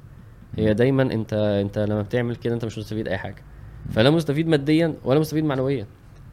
في في حين إن أنا عايز أقول لواحد عايز أربي ابني على إنه بص أنت كل ما تدي كل ما ترتاح. جرب كده طب؟ سؤال يعني أنا بس عشان يبقى الكلام برضو واقعي شوية وقريب من واقع الناس يعني خصوصا عندنا يعني. إن ممكن لما تيجي تتكلم دلوقتي عن معنى اسم الله الرزاق أو حسن الظن بالله أو معاني البركة أو أو إن أنت وما أنفقتم من شيء فهو يخلفه. كويس. في واقع صعب آه، مفيش فرص أو في فساد أو في صح. مثلا آه، إن يعني انهيار عملة إن- مثلا. آه انهيار عملة أو في ظلم أو كده. فممكن ممكن الإنسان ال- الخطاب ده يبقى فيه نوع من النقص. ماشي. يعني يعني فكرة ماشي. إن أنا إيه يعني خلينا بس إيه نفرق. إن من أسباب من أسباب يعني آه، عدم وجود الرزق مثلا معصية. ماشي. والفساد والظلم. ماشي. ده من أسباب إن إن الرزق يضيق على الناس. وقال تعالى في قصة أصحاب السبت لما هم عصوا قال تعالى كذلك نبلوهم بما كانوا يفسقون. فسواء المعصية دي على مستوى الأفراد أو أو على مستوى المجتمع كله أو على مستوى ال- البلاد عموما يعني فالفساد والربا والظلم وانتشار الفواحش والزنا والعقوق والكلام ده كله من الأسباب اللي هي بتعمل مشكلة اقتصادية. كويس؟ كويس. فلازم نبقى إحنا مستوعبين ده. طيب أنا أنا عشان كفرد عشان أصلا لما أجي أقول لك على حلول من الدين تبقى فاهم إنه أصلا مشكلة بسبب قلة الدين. ماشي؟ آه يعني برضو؟ أنا مش أنا مش بحمل المشكلة برضو على يعني هي بس الأزمة. يعني مهم إن إحنا نقول الكلام ده. ماشي. الأزمة إن الفرد العادي لما بيتلقى الكلام ده إن أنا إيه أجي مثلا في وسط ده أقول له أحسن الظن بالله و... والرزق وتصدق و... أيوه إيه الحل يعني؟ هو هو آه. هو بالنسبة له شايف إن الكلام ده آه، أفيون. يعني هو ب- هو بالنسبة له شايف إن الكلام ده مسكن. ماشي؟ فإحنا بنقول لأ في أسباب بتؤدي ل- لضيق الرزق وفي أسباب بتؤدي لسعة الرزق أسباب آه، أسباب دنيوية وأسباب إيمانية. مم. وفي نفس الوقت أنا كفرد بقى مش معنى إن الأسباب دي مش في إيديا إن أنا لما أجي أكلمك في حاجة مثلا زي إن أنت زي ما عامر بيقول دلوقتي إن أنا ربي حد على الإنفاق. إنفاق دلوقتي في الوقت ده يعني هي دي الفكرة إن أنت تبقى في معادلة. فاهمين أنا بتكلم في إيه؟ يعني في معادلة بين إن أنا مستوعب الأسباب اللي وصلتنا لده وعارف أنا دوري إيه كعبد. دوري كعبد إن أنا أحسن الظن بالله وإن أنا أحاول إن أنا إيه أنا ما أظلمش حد وإن أنا ما أكلش فلوس بالباطل. لا يعني أنا يعني قصدي زي بالظبط لما هتؤمر واحد بالصبر وفي نفس الوقت يعني هتؤمر مثلا يعني سيدنا موسى مثلا أمر قومه بالصبر وفي نفس الوقت هنجاهد فرعون. يعني هو في الآخر يعني أنتوا اصبروا على الوضع ده ويلا نغيره برضه فالاثنين موجودين معاه. فبالتالي مش معنى كده إن هو ده خطاب مش هو في خطابين مش مط... مش لازم يتعارضوا مع بعض هما يمشوا مع بعض. بس أنا حتى لما كانت فكرتي في الإنفاق أنا فعلا وفي فكرتي في البخل أنا مش قادر أشوفها بس في صورة فلوس بس. يعني أنا كويس. عايز أشوفه إنك ما تبخلش بوقتك. وانك تكون كريم ب... ب... باللي تقدر تساعد بيه. لما واحد يقول لك ما هو ده قلنا الشح بقى ايا كان هيبخل بإيه ويبقى حريص على إيه. لو واحد لو أنت عطائك ده هيبقى إنك تقعد مع واحد وتذاكر له مش عارف إيه. ده حاجة مهمة. في ناس بتبخل بده. لو واحد لو لو في أكل ولا حاجة في ناس بتبخل بده. فبتبقى حاجة يا ماشي معيش أنا يا عم 10000 جنيه في جيبي. بس أنا بكلمك عن حاجات لأ إحنا بص على مستوى تفاصيل صغيرة قوي. في واحد شحيح مع أخوه الصغير في في في, في, في لعبه. في لعبه في لعبه والله لحد كده. مم. وفي البلاي ستيشن وفي الجزم الكوره وفي, وفي واحدة شحيحه مع اختها في اللبس وفي واحد شحيح مع اهله في ان هو يعمل لهم مشاوير وفي واحد بيبخل على اصحابه لما يبقوا عايزين مساعده. أنا بصراحه مفهومي اوسع جدا ليه كويس البخل يعني بالمال كويس قوي البخل هنبخل بإيه؟ هنبخل بالمال هنبخل بالوقت هنبخل بال... بال... مجهود بالمجهود. خدمات أنا مشاعر. بصراحة مشاعر آه هنبخل أنا أنا مش عايزك تكون مش قادر. النقطة بتاعتك ما كملتهاش بس. لا يعني أنا يعني أنا أظن اديت صورة تانية ليها عشان واضحة. توضح. يعني أظن أظن ان كلامي واضح. كلام واضح. آه يعني أظن ماشي. كلامي واضح. راي المستشار طيب بالراحة طيب بالراحة علينا. لا آه، آه، أنا متفق معاك. بقول لك الخطاب بتاع سيدنا موسى ده بيقول لي كده. أنا هو كلامي واضح. سيدنا موسى الآية بتقول استعينوا بالصبر وسيدنا موسى بيبقى عايز يغير الواقع فمش ما حدش هيجي يكلمه هنا إلا لو هو ما بيعملش دي ما بيتكلمش في دي ما هي دي الفكرة. لما بنقول الاثنين يبقى خلاص منطقية. كويس. ماشي. حلو. آه كنا بنتكلم على الأسباب صح؟ إحنا قلنا الأسباب. من ضياع المال والخوف من آه، الرزق كويس. وعدم فهم قيمة العطاء والكرم. ممكن آه، زي ما انت قلت النشأة والتربية إن هو ما تعودش أصلا إنه يشوف حد حواليه ب... صح القدوة غياب ب... القدوة. ب... مظبوط. بينفق. آه. مم. ساعات كده اللي هو إيه؟ اللي ربنا سبحانه وتعالى تكلم برضو عن الشح ده من ده من صفات ال- المنافقين. وقال طبعا. قال في وصف المنافقين أشحة عليكم. آه. فإذا جاء الخوف رأيتهم ينظرون إليك تدور أعينهم كالذي يغشى عليه من الموت. فإذا ذهب الخوف سلقوكم بألسنة حداد أشحة على الخير. مم. أولئك لم يؤمنوا فأحبط الله أعمالهم وكان وكان ذلك على الله يسير. دي مش مم. فلوس. بالظبط كده. هو أصلا الآية الثالثه اللي بتتكلم في الشح كانت إيه؟ اللي هي بسم الله كنت كاتبها. هو هنا أشحة على المؤمنين بالغنيمة. هو هو ش... آه. يعني هو أشح عليهم بالغنيمة والخير. هو مش عايزه ي- يغنم ومش عايزه ينتصر ومش عايزه مم. يفوز. آه. وده. ده معنى إيه الشح هنا. وفي معنى في الآية اللي بعدها في نفس الآية يعني لما قال قوله تعالى أشحة على الخير قال ابن كثير وهم مع ذلك أشحة على الخير مم. أي ليس فيهم خير قد جمعوا الجبن والكذب وقلة الخير مم. شحيح يعني هو مفيش مفيش جواه خير آه وشحيح إن هو مش عايز المؤمن يغنم ومش عايز إن هو ينتصر في ال- المعركة. كويس. فده الوصف اللي ربنا سبحانه وتعالى وصفه للمنافق إن هو جواه شح. كويس. ماشي؟ حسد ها؟ يعني ده برضو من الثمرات يعني. من الدوافع. من- دوافع من- الحسد. من ال ال من من ثمار من ثمرات ال- الشح الحسد. يعني أيوة، ده كده آه، صح. حسد. أيوه. صح. ممكن نقول من الأسباب برضو لو انت كنت عايز تد... هنقول يعني هتبقى برضو ما هي أساس الشح هيبقى حظ النفس والأنانية. أكيد. فهو هيبخل نتيجة لده أنا أخليها لنا. فهو بيفكر في نفسه لدرجة إنه مش قادر يسيب حاجة كانت هتبقى لنفسه يعني بالنسبة له. حب الدنيا جدا. مم. طبعا طبعا حب الدنيا. هو أصلا المنافقين لو الشح إيه؟ ده صفة هلع. أساسية عندهم آه. هتمسك صفات وأفعالهم هتلاقي اللي إحنا قلناه ده كله. مم. هتلاقي إن هم قالوا لإخوانهم إيه آه هلم لو إلي. أطاعونا آه ما قتلوا. ما ماتوا وما قتلوا ما موتوا ما قتلوا فهو مش عايز يجاهد يعيش. لأنه آه لأنه عنده حب للدنيا خايف يموت هتلاقي قالوا لا تنفروا في الحر فهو مش عايز يطلع يبذل. عشان مش عايز آه، يتعب و... و... و... قادر يشوف ثمرة العطاء ده والجهاد ده هتعمل فيه إيه مش. عايز يبذل أناني هتلاقي فعلا دي افعاله وبعد كده آه، منهم من عاهد الله لأن أتانا من فضله لنصدقن بعد كده فلما أتاهم من فضله بخلوا به. مم. فهو الذين يبخلون يأمرون الناس بالبخل ولا دي إيه تانية؟ آه معانا. مم. موجودة بس الذين قصدي تدبر يبخلون صفات الافعال الذين المنافقين. يبخلون ويأمرون الناس بالبخل. هتلاقي فيها شح فظيع. هتلاقي فيها محور الحياة نفسه فلوسه دنيته راحته. سبحان الله. من ال... من النماذج ال... النبي عليه الصلاة والسلام قالها قصة طويلة مش عارف نقولها. قصة إيه؟ قصة ال... التلاتة. الأقرع. لا ما اقرأ الحتة اللي في إيه؟ آه. طب اقرأ الشاهد يعني طب يعني الشاهد. إحنا عملنا عملنا مش. هنقرأها يعني. بتاعت الصخرة ولا؟ لا لا لا لا. ممكن ن- إيه، نقرأ ال- الأعمى هنقولها- بس عمل إيه هنقولها سريعا يعني. بس ده ده ده ده بصراحة بطل. أنا مش مصدقه يعني كل ما اقراه مش مصدقه كان هو النبي عليه الصلاة والسلام قال إن في ثلاثة في بني إسرائيل أقرع وأبرص وأعمى بدا لله عز وجل أن يبتليهم. اختبار فربنا سبحانه وتعالى أرسل لل- للأبرص ملك أبرص شيء- يعني إيه؟ عنده برص يعني البرص. الجلدي جلده يعني لونه متغير فقال أي شيء أحب إليه قال جلد حسن ولون حسن. قد قدرني الناس. يعني فخلاص أعطاه مسحه فربنا سبحانه وتعالى رزقه الجلد الحسن واللون الحسن فقال أي المال أحب إليه قال. نط ن- انزل بقى عند فرزق كويس. فيقال قال يبارك لك فيه مم.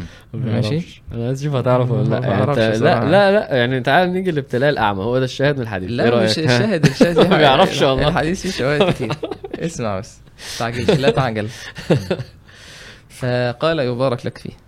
فبعدين راح للأعمى فقال أي شيء أحب إليه؟ لا، قال. قال راح للأقرع فقال أي شيء أحب إليك؟ قال إيه شعر حسن. قد قدر. فأوهب بالشعر الحسن فسأل أي المال أحب إليه؟ قال البقر. فربنا أعطاه إيه؟ بقر بقرة حامل. فراح للأعمى نفس الكلام. قال الأعمى قال الكلمة قال أن يرد الله إلي بصري. فأبصر الناس. ماشي؟ هو بين الإيمان إيه في في كلامه من البداية يعني. فرد الله عز وجل بصره وقال أي المال أحب إليه؟ قال إيه؟ الغنم. مم. فأعطي شاة والدا. فده بقى إيه؟ ربنا سبحانه وتعالى وسع عليه. فده كان وادي من الإبل وادي من البقر وادي من الغنم. فجالهم بعد فترة ده الاختبار بقى.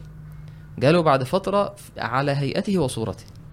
يعني الملك جه على صورة رجل ذهب للأبرص على هيئته. كأنه. واحد أبرص. وفقير ومحتاج على الصورة اللي هو كان عليها علشان يعني آه. إيه يفكروا آه. يستثير فيه حتى يعني إيه مش إن هو عليك.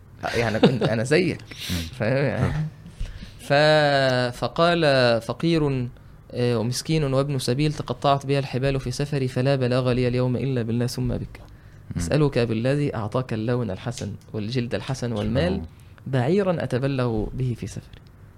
هو عنده وادي وادي من الإبل سبحان الله قال له بس إيه و- وهو بيذكره مم. أسألك بالذي أعطاك ال- الجلد الحسن. واللون الحسن والمال ف... فقال الحقوق كثيرة يعني إيه؟ قال له الدنيا صعبة يعني قال له الدنيا صعبة عنده. وادي وادي من الإبل يعني مم. حتة كده بين جبلين كده مليانة إبل مم.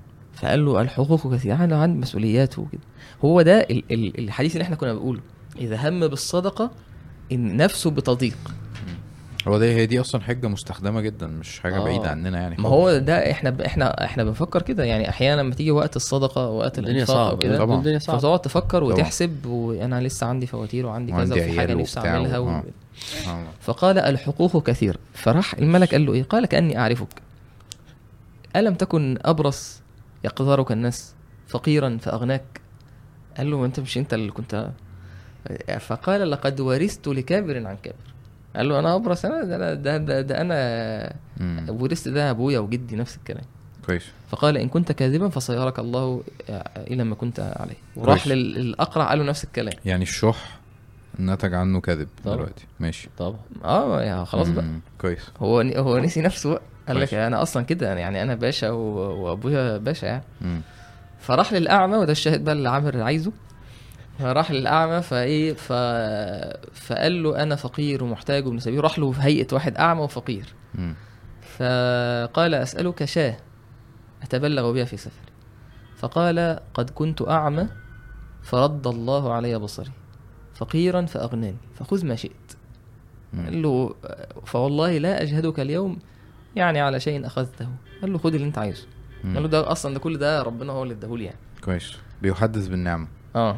فقال أمسك عليك مالك فإنما فإنما ابتليتم فقد رضي الله عنك وسخط على صاحبيك فهنا.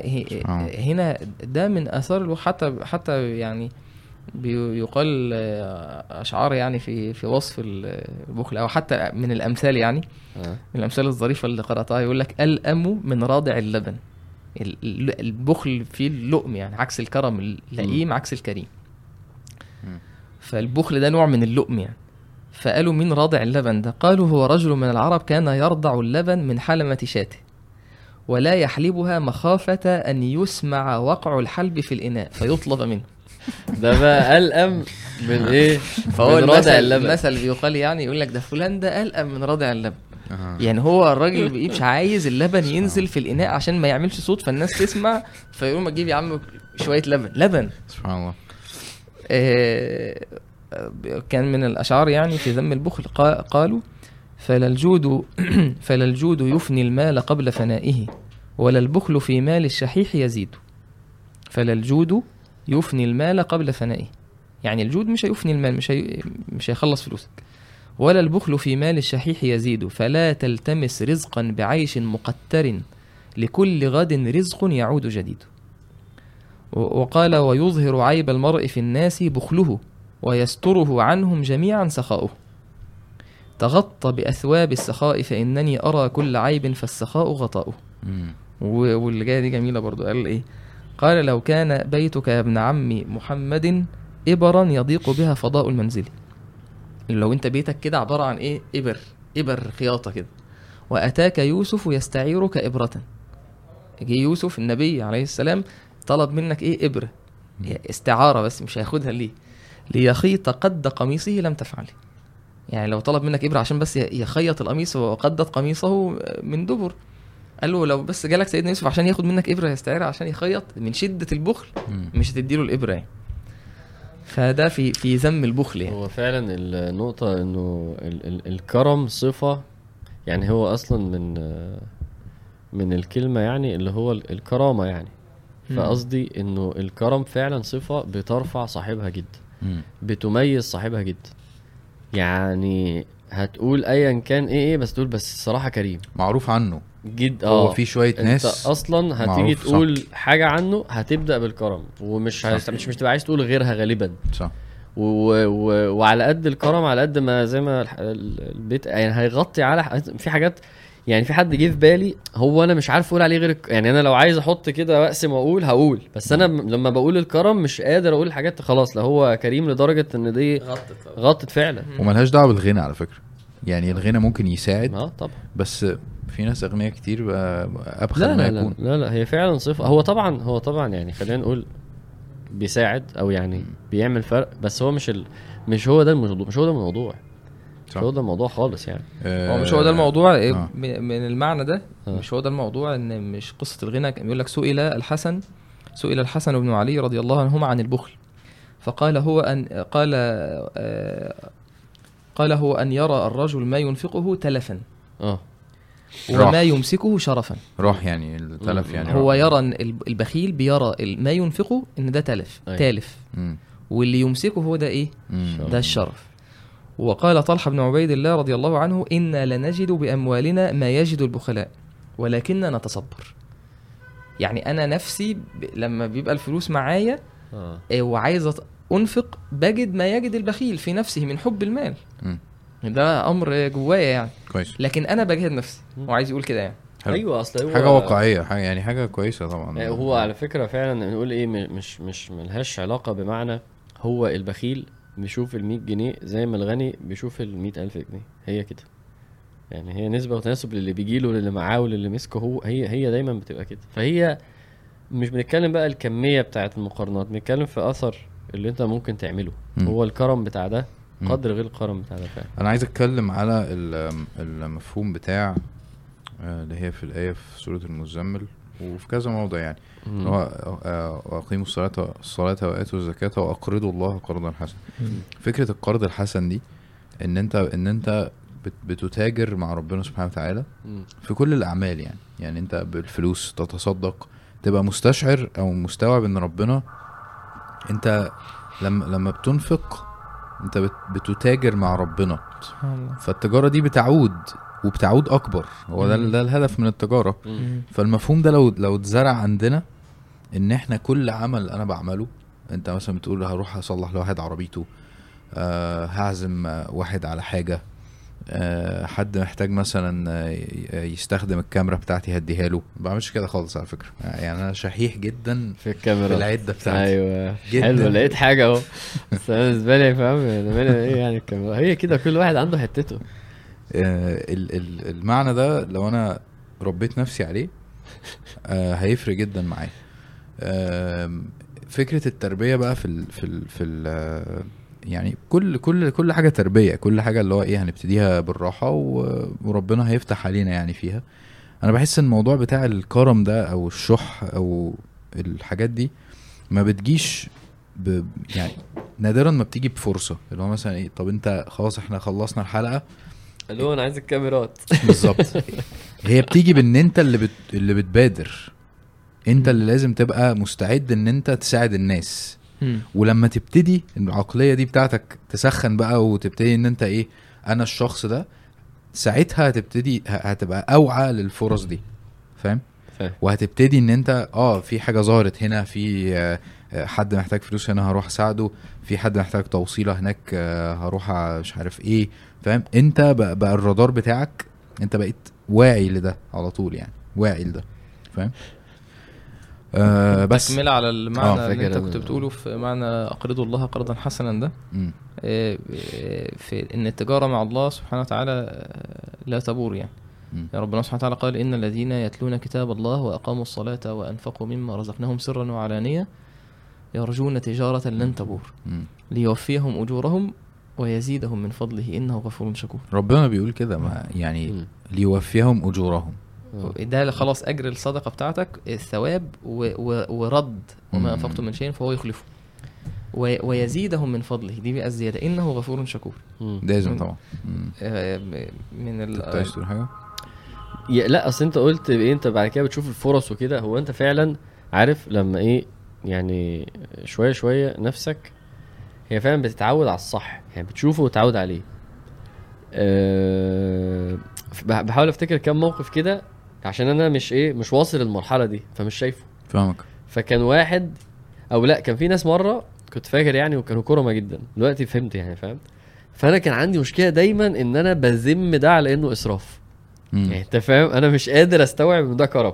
دي نقطة بنت لذينة. فأنا كنت يا جماعة لا لا مش كده. يعني أنا وتقريبا إيه نفسي بتقول لي قول كده عشان ما أنا نفسي في ما بقاش في وحش. الضيافة يعني؟ أيوه هو ده ده, ده عامل عزومة عادي جدا. ففي في في طبعا المنظرة وكده ودول ما كانوش كده. بس أنا من كتر الكرم مش قادر فمش قادر بتجزع. فإيه لا ده إسراف. أنا فاكر الموقف ده بعد شوية قعدت مع نفسي لا ده مش إسراف. أنت عارف إن ده مش إسراف. و... وفي مرة كنا كنا بنلعب كورة. سيدنا إبراهيم ف- جاب عجل. إلى صح. جاب عجل حنين أيوه ما هو أنا اللي عندي مشكلة. مم. فبعد ما لعبنا الكورة مش عارف الكورة كانت باين في التجمع حاجة كده. المهم يعني والساعة واحدة بالليل وبتاع فواحد قام مركب هتروح فين؟ فلا استنى أوصلك. فهتوصله فين؟ الهرم. حاجة كده بتاع ساعة على الأقل. مم. فأنا مش قادر فاهم؟ يا عم لا ليه؟ لا بالنسبة لي بقى إيه؟ يا جماعة ما المنطق. ما هياخد تاكسي يوصل بنفس الوقت و... أنا معروف عني إن أنا ما كنتش بوصل العيال بعد الكورة دايما. معروف يعني. بس ده كمان موقف. أو يا عم حتى اديله فلوس التاكسي. أهون من إنك تروح توصله بنفسك. يعني ما ياخد والتاني برضه أنا مشكلتي مع التاني. أنت أنت إزاي ما- تقبع ما نفسك تركب يا؟ ابني التاكسي يا ابني. إيه. الجو؟ فهو يقول لي يا ابني يا أخويا أنا هو موضوع العطاء ده واصل له فاهم؟ وموضوع إنه وأنا مش واصل لي. مستحضر التجارة دي جدا. أيوه أنا مش واصل لي ورافض بقى. يعني أنا دلوقتي بقيت لا أنتوا غلط. يعني أنتوا. مسرفين أيوة. وأنتوا مش عمليين فاهم؟ في حين إنه إيه أنا اللي عندي شح مش عايز أوصل ده عايز أروح بدري عشان أبقى فاهم وجسمي مكسر. القصص دي وده برضو إيه مش عايز أصرف قد. فهو أنت اللي يعني افتكرت ده من كلامك إنه أنت إيه لما توصل للمرحلة دي هتحس بالكلام ده وهتشوفه وهتعمله. فسبحان الله يعني. بس الحمد لله بقيت أوصل يعني دلوقتي ساعات. قالت أم البنين أخت عمر بن عبد العزيز. رحمه الله. أف للبخيل. لو كان البخل قميصا ما لبسته. ولو كان طريقا ما سلكته. مين اللي بيقول؟ أخت سيدنا عمر بن عبد العزيز. بتقول أف للبخيل. لو كان البخل قميص أنا ما, ما لبسته. ولو كان طريقا ما سلكته. إحنا إحنا كده إيه يعني اتكلمنا عن الشح والبخل. آه. الآثار و- والصور بتاعته وإن ده خلق مذموم آه، ومحتاجين إن إحنا نتخلص منه. صح. نتخلص منه إزاي؟ آه، بالصدق بالكرم بالكرم بقى. يعني بنع- آه بالفعل إن عكس. أنت تكتسب بالفعل. الصفة. اولا تعرف إن هو قد إيه مذموم وفي حاجات ممكن في الآخر نقولها إزاي إن الإنسان يتخلص من من الأفعال آه. دي وإن أنت تكتسب الصفة اللي عكسها بقى. ما هو أصلا صورته يعني فعلا في إنك تفعل. يعني في حاجات لا تفعل زي لا تغضب دي. good point آه صح. ما تكذبش. ما- إنما هنا صورته إنك تعمل. من الآخر. إنك تعمل وإنك تتعلم. يعني إحنا اتكلمنا على كذا حاجة اللي هو أنت تفهم تقرأ عن الرزق ت- آه. تسمع حاجة عن الرزق آه، آه، آه، تزود تزود إيمانك عامة عشان الموضوع يبقى أسهل بالنسبة لك. طبعا المفاهيم دي أكيد ضرورية جدا. يعني. آه ال- آه، الكرم آه. يا حبيبي. كان كان في برضو آه، الكرم آه آه. تعالى نتكلم شوية عن الكرم. في في برضه في في برضه لو هنتكلم على الفلوس يعني. في معنى أنا فارق فارق معايا جدا الصراحة. لما كنا في لما كنا في العمرة الدروس اللي بتتقال في ال- في الحرم وكده. ففي شيخ من الشيوخ كان بيتكلم عن إنه الواحد إحنا متعودين ان الصدقة إن أنت بتتصدق على مراتك بتتصدق على عيالك مش عارف إيه ال ال مش عارف لو حطيت أكل في بق مراتك مش عارف إيه. فهو فتح الباب إن أنت لبستها في وشها. فتحت رميت وجريت. اسحبها بقى عشان فهو- الدنيا لبش اليومين دول. فهو قال إن ال- إن الواحد ممكن يتصدق على نفسه. يعني أنت مثلا لو بتطلع عمرة مثلا. ماشي عشان ساعتها- ماشي. آه أنت؟ بالنسبة لك طب أنا عايز أجيب اي واتش مثلا هو يعني فلوس كتير. وبتاع فاهم؟ الشنطه ممكن ممكن تتصدق على نفسك بعلم. فاكر الشنطه يا حازم؟ أنهي شنطة؟ اللي أنت كنت عايز تشتريها؟ فاكر. آه والله حوار ابن لذينة. ما هو ده اللي خلاني اشتري تصدق على نفسك يا ابني.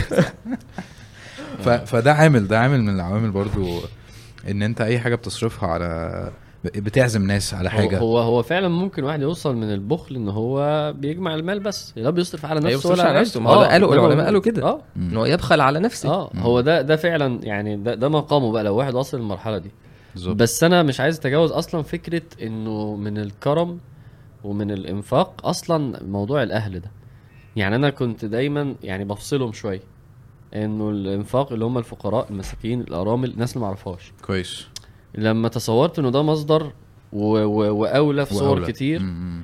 أنا أنا فعلا اتبسطت إنه ربنا عاملها كده إنه أنا الأهل اللي هو أنا- والاولاد وكده ولا و... وأبويا وأمي كمان يعني أنا تمام. يعني أنا بالنسبة لي دايما كانت الصورة النمطية زمان إنه إيه لأ أنا عايز أروح أدي الفقير بقت دلوقتي لأ أنا لو رحت آه، جبت هدية لأمي أنا لو رحت آه، فاهم جبت حاجة لابني ده ده قدره أعلى في صور معينة. حلو جدا. دي ريحتني نفسيا جدا والله بقيت يعني ما أنا المفروض أصلا أعمل ده. صح. أنا كمان بعمله وكمان هو صدقة. فده يعني الحمد لله والله إنه موجود فعلا سبحان الله يعني. يعني تخيل كان لأ أنت مش لازم.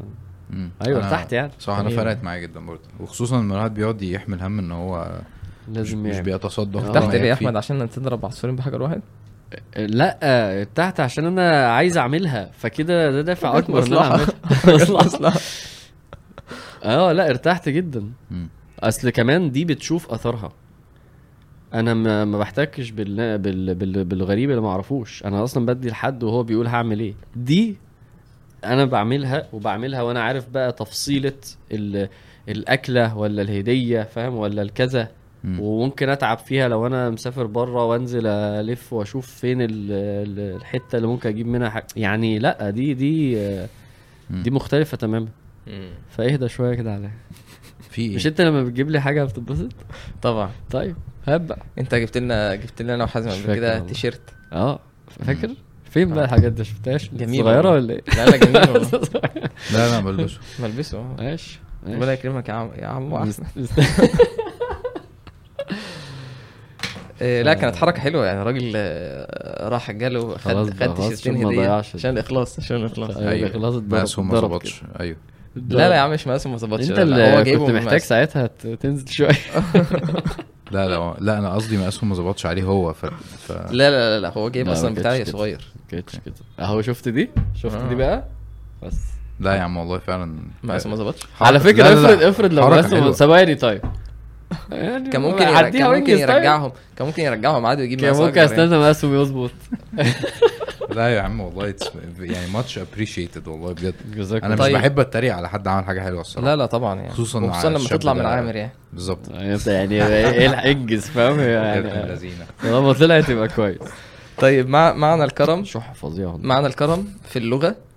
الكرم ضد اللؤم. هو إحنا هنكمل في الكرم النهارده؟ آه إحنا في الكرم أصلا. إحنا دخلنا في الكرم خلاص إحنا آه. إحنا بنخلصه. اهو طيب ساعة وربع عادي يعني مفيش مشكلة. أيوه عادي، إحنا آه، قاعدين. عادي، مش ما عندوش مش عادي. هينكرنا حاجة. الكرم ضد اللؤم مم. في اللغة ومعناه في ال- في الاصطلاح عجبني تعريف آه، الكرم هو الإعطاء بسهولة. حلو. جامد. صح. حلو قوي صح. هو بيدي والدنيا. إيه سهلة. يعني هو مش آه. آه. يعني إعطاء بسهولة. جميل وده ده ده فعلا وصف النبي عليه الصلاة والسلام صلى الله عليه صلى وسلم. الله عليه وسلم. يعني ابن عباس آه، لما قال كان. رسول الله صلى الله عليه وسلم أجود الناس آه ده في ده في العادي وده وده مش مبالغة يعني هو النبي فعلا عليه الصلاة والسلام أجود الناس كويس وكان وكان أجود ما يكون في رمضان حين يلقاه جبريل فالجود بيتضاعف الله مم. أكبر. الله أكبر الله ماشي إحنا آه، كنا بنقول الحديث إن النبي عليه الصلاة والسلام ابن عباس لما لما وصفه قال كان رسول الله صلى الله عليه وسلم أجود الناس وكان أجود ما يكون في رمضان. يعني زيادة بقى. حين يلقاه جبريل فيدارسه القرآن في كل ليلة. قال فلرسول الله صلى الله عليه وسلم أجود بالخير من الريح المرسلة. مم. ال ال الوصف ده ال الريح المرسلة بالخير الريح المرسلة اللي هي بتحرك ال- آه، السحاب علشان تنزل الامطار هي ما بتفرقش بين غني وبين في أرض غني وأرض فقير. فالنبي عليه الصلاة والسلام كان في في رمضان مع تعرض للوحي ومصاحبة آه، جبريل آه، عليه السلام كان الكرم إيه مم. الجود والكرم ده بيوصل لأعلى حاجة مم. كالريح و- و- وحديث الحديث ده اللي هو سيدنا أنس بيقول النبي صلى الله عليه وسلم يعني ما سئل صلى. الله عليه وسلم من شيء إلا أعطاه. كان برضو فكرني لما حد يعني هو أصلا ده لازم لأنه من تعريفات الكريم إن هو أصلا بيعطي دون يسأل. فهو بيبادر بالعطاء أصلا. فالنبي صلى الله عليه وسلم مفيش حاجة يسأل عليها إلا كمان يعطيها. يا الله سبحان وده الله. وده ملاحظ فما بقى بالك بالكريم بقى سبحانه آه وتعالى. آه سبحانه وتعالى. آه. والرجل اللي جاء النبي صلى الله عليه وسلم وبس النبي صلى الله عليه وسلم لاحظ إنه بيعجبه هو ما قالوش هات الغنم. هو بيبص عليها بس. هو بس لاحظ إنها عجبته آه، تعجبك؟ قال هي لك. مبادرة دي مبادرة أيوة. جدا آه. عشان كده فبعد كده قال محمد صلى الله عليه وسلم يعطي عطاء من لا يخشى الفقر. فلا النبي صلى الله عليه وسلم كان كده. والموقف اللي أنت قلته بتاع يعطي عطاء من لا يخشى الفاقة أو الفقر. آه. ترب... تربوية دي الفقر. جدا. صح. ما هو ده اللي زي ما قلنا بقى في الكلام عن الشح ودافعه يعني. والحديث بتاع سيدنا إبراهيم طبعا بقى يعني هو أصلا سورة الذاريات أساسها كلام عن الرزق. وإن الله هو الرزاق وفي السماء رزقكم. فجابت النموذج بتاع اللي لا يخشى الفقر. سيدنا إبراهيم لما دخلوا عليه جاء بعجل حنيذ فقربوا إليهم فقال لا تأكلون. دي أصلا كانوا يعني بيفصلوا بيها بقى آه على الآداب. إن هو اللي قربه إن هو اللي قال وبيقول لهم ألا تأكلون؟ هو راغب بسرعة يعني. ف أنا نفسي أفهم هو لحق ي- يسويه إمتى. ما ما أعرفش مش معنى مش يعني عادي ممكن يبقى خد وقت عادي. أنت بلاش أسئلة خد. وقت إيه؟ هياخد يعني مثلا ست عنده ساعات. عنده خادم ما- أو كده ما يعني نعرفش إحنا ما نعرفش ليلة إحنا فجأة. زمان عايز كان إيه اللي بيحصل حد عنده إجابة يعني. مين اللي يعني عنده إيه إجابة؟ زمان كان إيه اللي مين اللي بيحصل؟ عنده يعني بيستوي أسرع مش م- ما ما أعرفش. وبعدين عجل عجل ده بقرة صح؟ عجل. لا، ولا لا، ولا لا. حاجة ثانية هو عجل. ما أيوه يعني عجل مش يعني مش معناها مثلا خروف صغير مثلا صح. يعني عجل. أنت عارف اللي بيعمل كده في الدرس بعمل فيه إيه؟ كده الدرس ده بتديه الساعة كام. يوم إيه؟ فين؟ أيوه. ف وبرضه آه، لو لو آه والله الأسئلة أصل كل دي. بقعد أسأل. إيه أسئلة بني إسرائيل؟ الكلب كان اسمه إيه وفاهم؟ البقرة دي اللي كان لونها إيه؟ العجل ده لونه إيه؟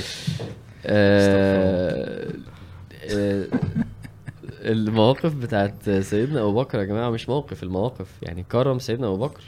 وده اللي أسقط عليه الآيات بتاعت سورة الليل اللي هي وسيجنبها الأتقى. آه، الذي يؤتي ماله آه، ويتزكى. بالظبط وما لأحد عنده من نعمة تجزى. برضه أسقط ده على سيدنا أبو بكر. سيدنا أبو بكر في ال... في ال... في العطاء كان رهيب بالذات في العطاء في المال. وسيدنا أبو بكر كان تاجر شاطر جدا. وده مميز جدا إن هو بيعطي ماله كله وبعد كده تلاقي ماله رجع تاني. يعني هو تجارته دايما بيدي. فيها جدا. أنت مش اديت كل حاجة ودي أنت المفروض؟ اللي هو أنا خلاص بقيت فقير صح. عشان اديت. لا هو عمال يدي وبعد كده يتاجر يعمل فلوس بعد كده يدي وبعد كده يتاجر فبرضه ما شاء الله يعني موفق جدا. وهو اللي مول الهجرة بتاعت النبي صلى الله عليه أنت وسلم. بقى آه تيجي تشوف مواقف هتلاقي النبي سيدنا صلى الله أبو عليه بكر وسلم قال له أنا بالثمن. بالثمن آه. هتلاقي سيدنا أبو بكر آه، آه، من أول ما اللي هي مراحل تحرير العبيد. سيدنا أبو بكر حرر عبيد كتير جدا ومنهم سيدنا بلال. مم. وفاكر أنا ال- إنه حد ذكر المبلغ وبعد كده لحد ما حوله يعني لدلوقتي كانت حوالي 200 ألف جنيه. ده كان اللي هو اللي بيدفعه عشان يحرر واحد. سيدنا أبو بكر أطلق سراح كثير من العبيد. وبعد كده سيدنا أبو بكر آه، زي ما أنت قلت بقى في الهجرة إن هو آه، كان بيجهز الراحلتين. وسيدنا أبو بكر في الموقف بقى اللي هو سيدنا عمر كان بيوصفه لما كان النبي صلى الله عليه وسلم عايز. الجيش تجهيز تبوك. الجيش آه فقال إيه اليوم إيه أسبق أبو بكر أنا عمري ما سبقته فجئت هو هو مشغول يعني. هو مشغول بيه لأن هو آه، يعني هو كل مرة واضح ان. واضح إن سيدنا أبو بكر يعني نموذج متفرد في ال- في ال- في بالذات في العطاء يعني. صح فجئت بنصف مالي دي ضخمة جدا مم. ضخمة جدا أصلا يعني مهما كان حتى لو ماله قليل أو كتير يعني, يعني لو أنت لو, لو سيدنا أبو بكر مش في الصورة مش موجود ده خلاص، موقف سيدنا عمر ده كسب موقف خلاص. هنقوله ونحطه بقى صح. برضو ريفرنس ونقول ده نصف ماله مم. هو حد يعرف يطلع نصف ماله ده كتير قوي يعني ف... فقال إيه آه، ما أبقيت لاهلك قال أبقيت نصف مالي بعد كده جاء سيدنا أبو بكر قال ما أبقيت لاهلك قال أبقيت لهم الله ورسوله فخلاص سيدنا عمر قال إيه لا أسبقك إلى شيء ابدا. خلاص بقى ليتني شعره في صدر أبو بكر. خلاص. هو بالنسبة له كده لا مش عارف أعمل إيه معاه. فسيدنا أبو بكر نموذج رهيب للكرم والعطاء. هو أنا بس عايز برضو مفهوم عندي يعني. هل وأنا هل وأنا بتصدق أو بدي فلوس هل أبقى بعمل كده عشان يجي لي أكتر؟ يعني هل ده يبقى الهدف؟ وهل لما أدي أبقى مستني إن الفلوس دي فعلا ترجع وأكتر منها؟ يعني هل دي حاجة أقدر أتعامل بيها أو أو حد حد فاهم أنا عايز أقول إيه؟ تجاوب ولا؟ أنا أنا ه- أنا هجاوب بناء على قاعدة كده كنت لسه قايلها في في في, درس يعني قاعدة عامريه كده. إنه قول يا شريف. إن إنه العبادة آه، بتجيب دنيا والعبادة طريق للي عايز دنيا. بس أهم حاجة تبقى عارف إنه في شرط ربنا هيضعه للي بيحبه يعني إنه لو الدنيا دي هتضر آخرته مش هيديها له. فكلام الأنبياء كله اللي هي استغفروا ربكم إنه كان غفارا يرسل السماء عليكم مدرار وسيدنا هود يا قوم استغفروا ربكم ثم توبوا إليه يرسل آه, آه يرسل عليكم السماء مدرارا و- و- و- ويمددكم- يرسل السماء عليكم يرسل مدرارا. السماء عليكم مدرارا ويزيدكم قوة إلى إلى قوتكم. قوتك فال- فده لده ده لده. والنبي صلى الله عليه وسلم أصلا بيدعي ربنا يعني هو بيعبد ربنا وبيدعيه بأنه ربنا يرزقه الخير في الدنيا. فال فأنا لما أقول يا ربنا يا رب أنا هعطي عشان ت... عشان انت ترزقني الرزق في الدنيا اللي يكفيني وأنا واولادي و... ويخلينا مش محتاجين لحد ويخلينا عارفين نعبدك ويخلينا مرتاحين في الدنيا دي عشان نعرف ن... فده ما فيهوش مشكلة بس طبعا تبقى عارف الشرط ده لأنه الشرط ده اللي هو النبي صلى الله عليه وسلم كان في الآخر يدعي ويقول إيه آه اللهم اسألك من الخير كله عاجله وأجله ما علمت منه ما ولا ما لم اعلم أعوذ بك من الشر كله ففي دايما احتراز من إيه اللي هيجي لك بقى. خلاص انت واثق في ربنا وتعلم ف... فإنما أعبد هو أصلا ربنا يقول من كان يريد ثواب الدنيا فعند الله ثواب الدنيا والآخرة. فمفيش مشاكل في إن أنا أسعى للدنيا بالعبادة وبسعى ليها ليه؟ مم. وبسعى ليها ليه؟ وأبقى فاهم بقى إيه اللي هيحصل بعدين. أنا برضو حابب إن يعني ده- يعني أضيف على كلام عامر لأن أنا فاهمه من كلامك إن هل هل ده منافي للإخلاص؟ إن لو أنا لو أنا مثلا عملت عبادة زي الاستغفار أو صليت على النبي عليه الصلاة والسلام أو صله. الرحم وأنا نيتي إن أنا عايز ربنا يوسع عليا في الرزق. كويس. لأن أنا عارف إن النبي عليه الصلاة والسلام. قال في حديث إن صله الرحم آه، بتوسع الرزق مثلا وبتبارك في العمر. أنت ده بتقصد داخل فيها أه. تقصد حاجة شبه كده يعني. ده داخل فيها إن لو أنا أنفقت وأنا في نيتي وأنا أنفق إن ربنا سبحانه وتعالى يخلف عليا خيرا اللي هو لا يا رب أنا بتصدق أنا مش عايز حاجة يعني ده اللي أنت بتتكلم تك- فيه ده آه. ده مرحلة مم. إن هو إنما نطعمكم لوجه الله لا نريد منكم جزاء ولا شكور مش منكم من ربنا أنا ما بتكلمش آه آه حتى لا ما هو مش عايز ال ال الجزاء والشكور ده في الدنيوي إن أنا حد ماشي. يشكرني دنيويا ده ده تمام الإخلاص أنا مش عايز حاجة مش يعني لو ما جاتليش زي ما عمرو بيقول لو ما جاتليش ال- المردود الدنيوي للطاعة مم. فأنا أنا مش زعلان. أنا عملتها في الأصل لله والآخرة عشان ربنا يرضى عني. طيب لو أنا عملت وأنا نيتي إن ربنا سبحانه وتعالى يخلف عليا خيرا واحتسبت ده ما دام هو يعني مين اللي قال لي إن العبادة دي أو إن الصدقة دي بتخلف على الإنسان خير؟ هو ربنا. سبحانه وتعالى. فما دام أنا. في في الحيز ده فأنا أصلا يعني اللي قال لي إن الاستغفار بيعمل كذا وإن الدعاء بيعمل كذا. ده من الأسباب. كويس. جميل. أنا فده ما. فيش ما فيش فيه مشكلة. طالما أنا في الحيز ده. أنا في لأن ال- هو ربنا سبحانه هو وتعالى ربنا اللي قال لك. قال لك إن. أنت ادعي. قال لك إن أنت اه- آه اسألوا الله سبحانه وتعالى من فضله. قال لك إن أنت في ال- في وقت ال- الكروبات زي قصة الصخرة آه، ادعوا الله بعمل يكون صالح. خالص. مم. فأنا بدعي بالعمل علشان ربنا يف- يفرج عني. كويس. حاجة في الدنيا. جميل جدا. الحمد لله. زي ال- داووا مرضاكم بالصدقة. مظبوط. مظبوط. فاذا العبادة أنا بعملها عشان الآخرة.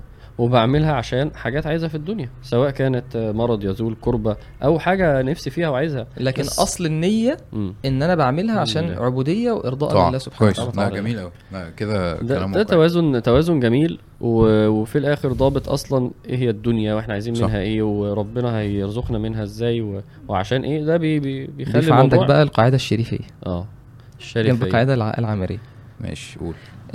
برضو من الأحاديث الجميلة إن النبي عليه الصلاة والسلام آه، بينما هو يسير مع آه، جبير بن مطعم يقول بينما هو يسير مع رسول الله صلى الله عليه وسلم مقفله من حنين وهو راجع من غزوة حن- حنين قال فعلقه الناس يسألونه الناس هجمت على النبي عليه الصلاة والسلام عارف انت لو انت في العيد مثلا بتوزع لحمة.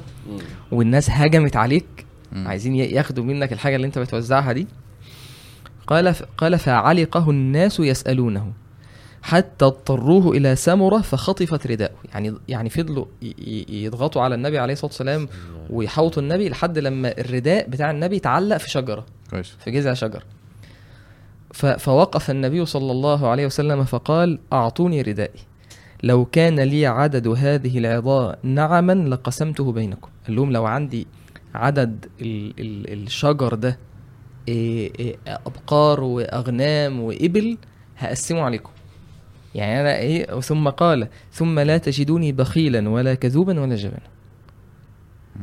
فيعني إيه أنا لو معايا لو معايا أنا لو معايا قد الأشجار دي كلها إبل وغنم وبتاع أنا هديكم. هو ده الموقف اللي هو آه، اتعصب فيه ولا ولا؟ لا إيه؟ هنا ما اتعصبش ولا حاجة. تمام. آه لا أنت قصدك على واحد تاني. ماشي. هو ده. طيب آه، آه، طيب يعني من صور الكرم أو من نتائج الكرم هو إيه مفهوم الإنفاق. طبعا. يعني ده إيه ده المدلول بتاع اللي إحنا بنتكلم عنه الإنفاق في سبيل الله. و... وربنا سبحانه وتعالى قال إن مثل الذين ينفقون أموالهم في سبيل الله كمثل حبة أنبتت سبع سنابل في كل سنبلة. آه، في كل سنبلة آه 100 حبة والله يضاعف لمن يشاء. و... والنبي عليه الصلاة والسلام قال من تصدق بعدل تمرة من كسب طيب والله سبحانه وتعالى لا يقبل إلا الطيب فإن الله عز وجل يتقبلها بيمينه. ثم يربيها لصاحبها. حتى كما يربي أحدكم فلوه أو فلوه حتى تكون مثل الجبل. يعني يعني الصدقة مش لازم ده برضو مفهوم.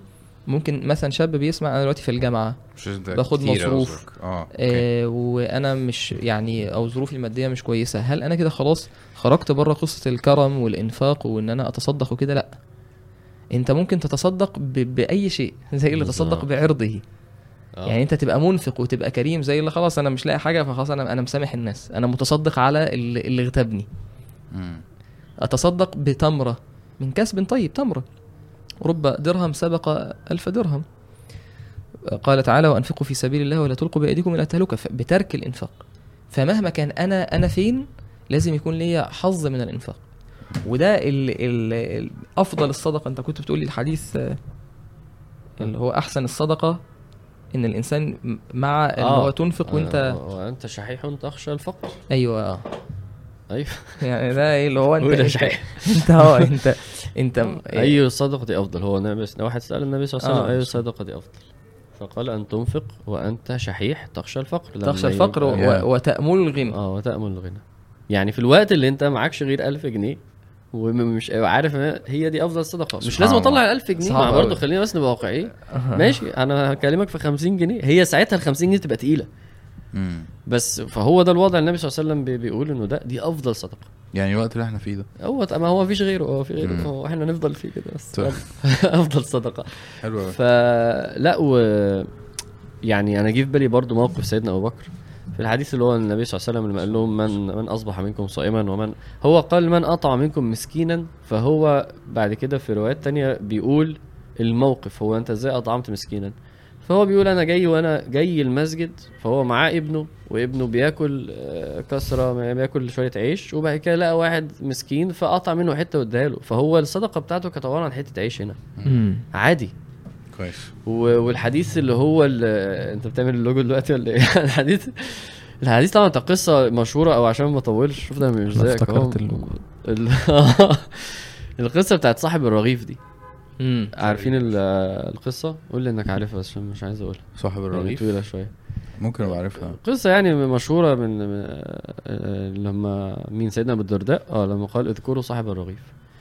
المهم الخلاصة إن هو شفت آه آه لما؟ راح أيوه أيوه عارفها أيوه إن هو الراجل كان عنده عمل عارفها. مشاكل مش مهم نقولها. للناس قصدك يعني صح ولا ما أنا عشان الوقت ما بس دام أنت. عارفها أنا عشان الوقت يا جماعة دوروا عليه دوروا على قصة صاحب الرغيف والشيخ محمد الغليظي كان عامل عليها في في. مقطع جميل للشيخ أبو إسحاق برضه أظن خلاص. اسمعوا الاثنين دول طيب نختم ولا ولا إزاي؟ إنه الرغيف أنقذ رغيف عيش نختم إيه يا ابني كويس لا مش هنختم لسه؟ إحنا إحنا زهقت ولا إيه؟ آه، أنا انا إحنا انت بس احكي لنا القصة بتاعت عبد الله بن مبارك بالذات لأن ده نموذج انت قلت آه، شدك جدا. قول لي أنهي أنهي مواقف عشان أنا مش مستحضرها مم. وممكن بعد كده ننتقل بقى طيب آه، يعني آخر حاجة في الكرم من من من صور في, ال... في الكرم ولا في الحلقة؟ آه، إحنا لسه بقى هندخل في الإيثار خلاص يا عم. خلاص هنوقف. يعني مش هنقول الإيثار خلاص خلاص نقول. المرة الجاية بإذن الله نقول المرة الجاية أوكي إن شاء الله ب- آه، خلاص بقى يبقى عادي هو قال خليه المرة الجاية فبيغير رأيه أنت عارف يعني. لا لا عادي براحته. ماشي. ماشي يا باشا. آه، يعني من من النماذج في السلف ال- ال- ال- يعني المبهرة في موضوع ال- الكرم والإنفاق سيدنا عبد الله بن المبارك آه، رحمه الله. وقبلها كان في كلام يعني إيه كرم العرب بقى اللي هو إيه حاتم الطائي وحاجات اللي زي كده. بيسأل يعني حاتم قال قيل له يا حاتم هل غلبك أحد في الكرم؟ آه. في حد يعني من الناس غلبك قبل كده؟ فقال نعم غلام يتيم من طيء نزلت بفنائه وكان له وكان له عشرة أرؤس من الغنم. فعمد إلى رأس منها فذبحه. جاب غنمة وراح ذبحها. ركز يا حزوم معاك.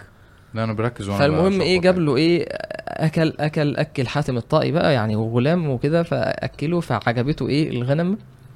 وقال له ده لحم طيب جدا و... و... وأكل الرأس وعجبته قوي. فأبدى إعجابه بالإيه؟ آه. ب... بالرأس دي. فراح الغلام خرج إيه ذبح التسعة. التسعة اللي متبقيين هو معهوش غيرهم. و... وراح مديله العشر ال... ال... التسع الرؤوس. رؤوس اللي متبقيين. هو خرج حاتم خرج فلقى إيه؟ طبعا حازم هيسالك إزاي بياكلوا الرأس وبيعملوها إزاي. خرج إداهم له نيين ولا طبخ خرج إيه؟ لقى دم كتير فسأله فلقى إن هو عمل كده. فقال إن ده ده أكرم. فهو كافئه إزاي بقى؟ قال فلما خرجت لأرحل نظرت حول بيته دما عظيما. وإذا هو قد ذبح الغنم بأسره فقلت له لما فعلت ذلك؟ لما لما فعلت ذلك؟ قال يا سبحان الله تستطيب شيئا أملكه فأبخل عليك به. نايس. إن ذلك لسب على العرب قبيح. قال له إزاي يعني؟ تطلع من بيتي وأنت نفسك في حاجة؟ مم. قيل يا حاتم فما الذي عوضته؟ قال ثلاثمائة ناقة حمراء أو ثلاثمائة ناقة حمراء وخمسمائة رأس من الغنم. فين فين حاتم ده؟ هو اداله تسعة رد عليه تلت- 300 ناقة 300 جمل واداله 500 رأس من الغنم فقيل أنت اذا أكرم أنت اذا أكرم منه. آه لا عشان هو ادى الكل معاه فقال بل هو أكرم لأنه جاد بكل ما يملك. سبحان الله. وإنما جدت بقليل من كثير. وليه بقى ليه ليه أشعار في مسألة إن إيه إن مرة كانوا في في مجاعة والناس وعياله مش لاقيين ياكلوا فجت ناس خبطت ست خبطت على البيت ومعاها عيالها وجعانين وكده. فقالت له إن طلبت يعني منه طعام فراح ذبح الفرس بتاعه وأكلهم وما أكلش منه أكل الناس وما أكلش منه حاجة. فمراته يعني بتلومه كده فقال أبيات شعرية ممكن نبقى ننزلها للناس يقراوها يعني. عشان عشان إيه؟ عامر ما يزعلش. على التليجرام بتاعه. على اللي مش. تابعنا على التليجرام يا جدعان يخش آه على ال- آه، على الجروب بتاعنا على التليجرام. آه اما كنا في اسكندرية على فكرة يا عامر؟ ها؟ آه في الافتتاح بتاع المحل. آه آه كان لما يوم حلو جدا. لما كان يوم. حلو جدا. آه. لا في حاجة في حاجة عايز دي أقولها. حلقة الأخوة بقى نبقى نعملها آه برضو عشان على حاجة فكرة ممكن بكرة أعمل افتتاح عادي يعني وأنتم ما تجوش ف لا يا عادي باشا، يعني. لا هنيجي لا طيب في في حاجة في الشح في. حاجة في الشح. استنى بس هتوريك أعمله له يوم السبت الصبح. افتتاح إيه؟ بعد الفجر أي حاجة افتح أي حاجة. أنت فاكر إن أنا حلت حاجة؟ الشح في بتاع شح المشاعر. ها. شح المشاعر. إن أنت تبخل بإن أنت تقول لحد حاجة حلوة. الله. ماشي؟ mic drop. ها. بس خلاص. خلاص ماشي كويس كده. أنا مش ب... مش بحو... مش ب put you on the spot يعني أنا بس بقى أنت فاهم رجعت تتكلم إنجليزي ها؟ ما إحنا بقى أنا حاسس إن إحنا سيبنا الحوار بقى. إحنا ما سيبناش حاجة ضحكنا عليك بس إحنا ما سيبناهوش إحنا مكملين عادي okay ماشي. أنت على فكرة أكتر واحد فطبعا هو ده أكيد يعني. هو ده أكيد. آه أنت خلصت؟ أنا ممكن أحكي موقف اسكندرية ده ونختم ولا؟ أنت عايز تختم اختم. أنا خلاص يعني أنا لما أخلص أنت أنا- يعني؟ أنت أنا قاعد. لا، لا، أنت عايز تختم اختم. طيب. لا عايز تقول إيه؟ طيب عشان ما. بقاش خلاص إحنا كان عندنا حاجات في الإيثار مش مهم نقولها. لا كان عندنا حاجات في لسه في الكرم. المرة الجاية إن شاء الله نحكي عن سيدنا عبد الله بن مبارك أنا ومش شايفك مهم. قلبت بتاع 8 صفحات. مش مهم نقولها. خلاص. فانت قصدك في 8 صفحات باقيين ولا؟ لا خلاص مش مهم. خلاص قول موقف اسكندرية. عادي عادي آه عادي. آه عادي عادي. مش مهم. نمنع العلم نمنع العلم عن الناس. ما فيش في إحنا. بعد ال بعد ال بعد الافتتاح مثلا. بعد الافتتاح أو بعد الاحتفاليه السنوية أو كده. بن بناخد الشباب بتوعنا اللي شغالين معانا يعني ونروح ناكل وبتاع. حلو. ف فشريف كان كان سبقنا وراح هو وشوية شباب كده وكلوا وكده. مم. فقال لي إحنا في مطعم حلو ومش عارف إيه لو عرفتوا تيجوا تعالوا. فاما خلصنا كلمته فعرفت المكان فين قال لي أنتوا كام واحد. قلت له مثلا خمسة ستة ولا حاجة. مش عارف بيسألني ليه يعني عادي يعني. انت ما انت مالك؟ عادي يعني مفيش حاجة يعني. فروحنا ومكان كده غريب وبتاع ومش عارف إيه وقعدنا قعدة غريبة ومش عارف إيه غريب ليه؟ غريبة عشان كان على رصيف و ماشي اسمه إيه ده؟ اسمه تبارك فارم إيه ده؟ آه ما ما غريب قوي ماشي بس قال لك بيعمل أكل جامد ومش عارف إيه ف اللي هو خلاص هنقعد بقى وبسأل الشباب طب إيه اللي كان حلو هنطلب ماشي. إيه قال لك لا لا فكك اقعد بس الأكل نازل حالا أصلا يا فاحنا أصلا مفحوتين آه. ومرهقين جدا فاهم؟ آخر اليوم بقى الساعة واحدة بالليل مثلا ولا آه. حاجة ورايحين لسه بقى هنشغل بالنا هنطلب إيه؟ طب آه. الملوخية حلوة طب المش عارف إيه طب بتاع. فقعدنا مفيش مثلا أربع دقايق ولا حاجة. آه. طواجن ومش عارف ورز معمر. ولحمة مش عارف إيه وبتاع. وكل م... يا عم كفاية يا عم مش عارف إيه. قاعدين بقى إيه فاحتنا ما شاء الله. كرمونا جدا. أنا بقى خايف جدا من وقت إن لما نيجي نحاسب إن حد يجي يقول لنا لا ما خلاص إحنا حد دفع. آه. فاهم؟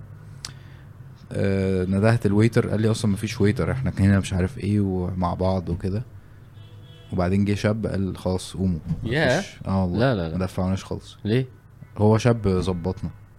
ليه؟ شاب هناك. عشان استبرك يعني؟ ما أعرفش عشان استبرك ولا عشان عرفنا ولا عشان هو أصلا كده فاهم؟ بس هو أصلا جامد يعني. هو الشاب الله. الشاب اللي هناك ده كان ع- كان عارفنا أصلا؟ اللي هو إيه؟ اللي عند تبارك فارم ده. ولا عارفك أنت بس ولا إيه؟ صاحبي. صاحبك أنت بس ما يعرفنيش صح؟ لا. ما يعرفنيش آه. أصلا صح؟ ماشي أنا أصل أنا ما يعرفنيش خالص. أيوه. سبحان الله. سبحان الله. بس أنا كنت اتضايق جدا أنت أكلت؟ ما- يعني وأنا ما أكلتش وأنا المفروض ليا في الأكل ده كنت. كده أنا ماليش. خلاص كده تمام. بس صراحة راجل اللي ظبطنا يعني. جدا سبحان الله. بس هو عارف إن أنا هروح له تاني قريب؟ كريم قوي. هو عارف إن والاكل أنا كان حلو جدا. كريم قوي ما شاء الله. يعني هو- الأكل هو عارف أنا ما جيتش ليه؟ الأكل اللي ببلاش كمان بيبقى طعمه أحلى. آه والله. لا بس الحمد لله. أنا رأيي إن إحنا الكرم أنا حاسس إن إحنا في كلام كتير كان ممكن يتقال في الكرم والإيثار. كمل. فرأيي إن إحنا ممكن نقطع ما دام حاسك النهارده تعبان شوية مرهق مش قادر تكمل. يا ابني إحنا بقالنا ساعتين الا ربع ما أعرفش هو هو. اللي هو اللي هو اللي هو اللي نايم كويس بس. آه بالظبط. هو متعود يجي سايق وكده فهو نايم كويس. آه ف... فممكن ح- يعني ممكن نقطع الجزء بتاع الكرم من الحلقة دي. لا. أيوه. بتكلم. بجد. والحلقة الجاي وأنا هاجي السبت الجاي إن شاء الله. فممكن السبت الجاي نص... أنا مش هاجي. اسمع. طيب يا شريف لخص لنا كده إحنا عملنا إيه لحد دلوقتي؟ طيب إحنا إحنا دلوقتي اتكلم يعني انت مش طالع أصلا في الكاميرا أيوه ما هو مش أنا مش جاي ما أنت هتظهر كمان. صح؟ انزل بس انزل. حاضر. طب يا شريف آه، لخ... أنا لبست الجاكيت لخص لنا يا شريف إحنا اتكلمنا عن إيه لحد دلوقتي؟ آه، إحنا إحنا دلوقتي اتكلمنا اتكلمنا عن الشح وإن ده مرض من أمراض القلوب والنتائج بتاعته والآثار بتاعته واتكلمنا عن البخل. و... وكنا كان المفروض إن إحنا في الحلقة دي هنتكلم كمان عن الكرم وعن الإيثار و... وعن ال... إحنا كان في في الآخر في آخر الحلقة اللي هي الخطوات العملية إن إزاي أنت تتخلص من الشح والبخل. وتكتسب الكرم بالظبط ما قلناهاش في حاجات كتير لا لسه. لا لسه ف... فأنا بقترح إن إحنا نخلي ال... ال... ال... الكلام عن الكرم بالتفصيل ومع الإيثار مع الخطوات العملية حلو في الحلقة اللي جاية إن. شاء الله حلو. أوكي جميل جدا جدا. ماشي إحنا صورنا منها جزء دلوقتي عشان إيه آه، هنعمل لنا مفاجأة. هنعمل كل مفاجأة الحلقة الجاية إن شاء الله. ماشي اتفقنا. ماشي. أوكي. سبحانك اللهم وبحمدك أشهد أن لا إله إلا أنت أستغفرك وأتوب إليك. الحمد لله رب العالمين.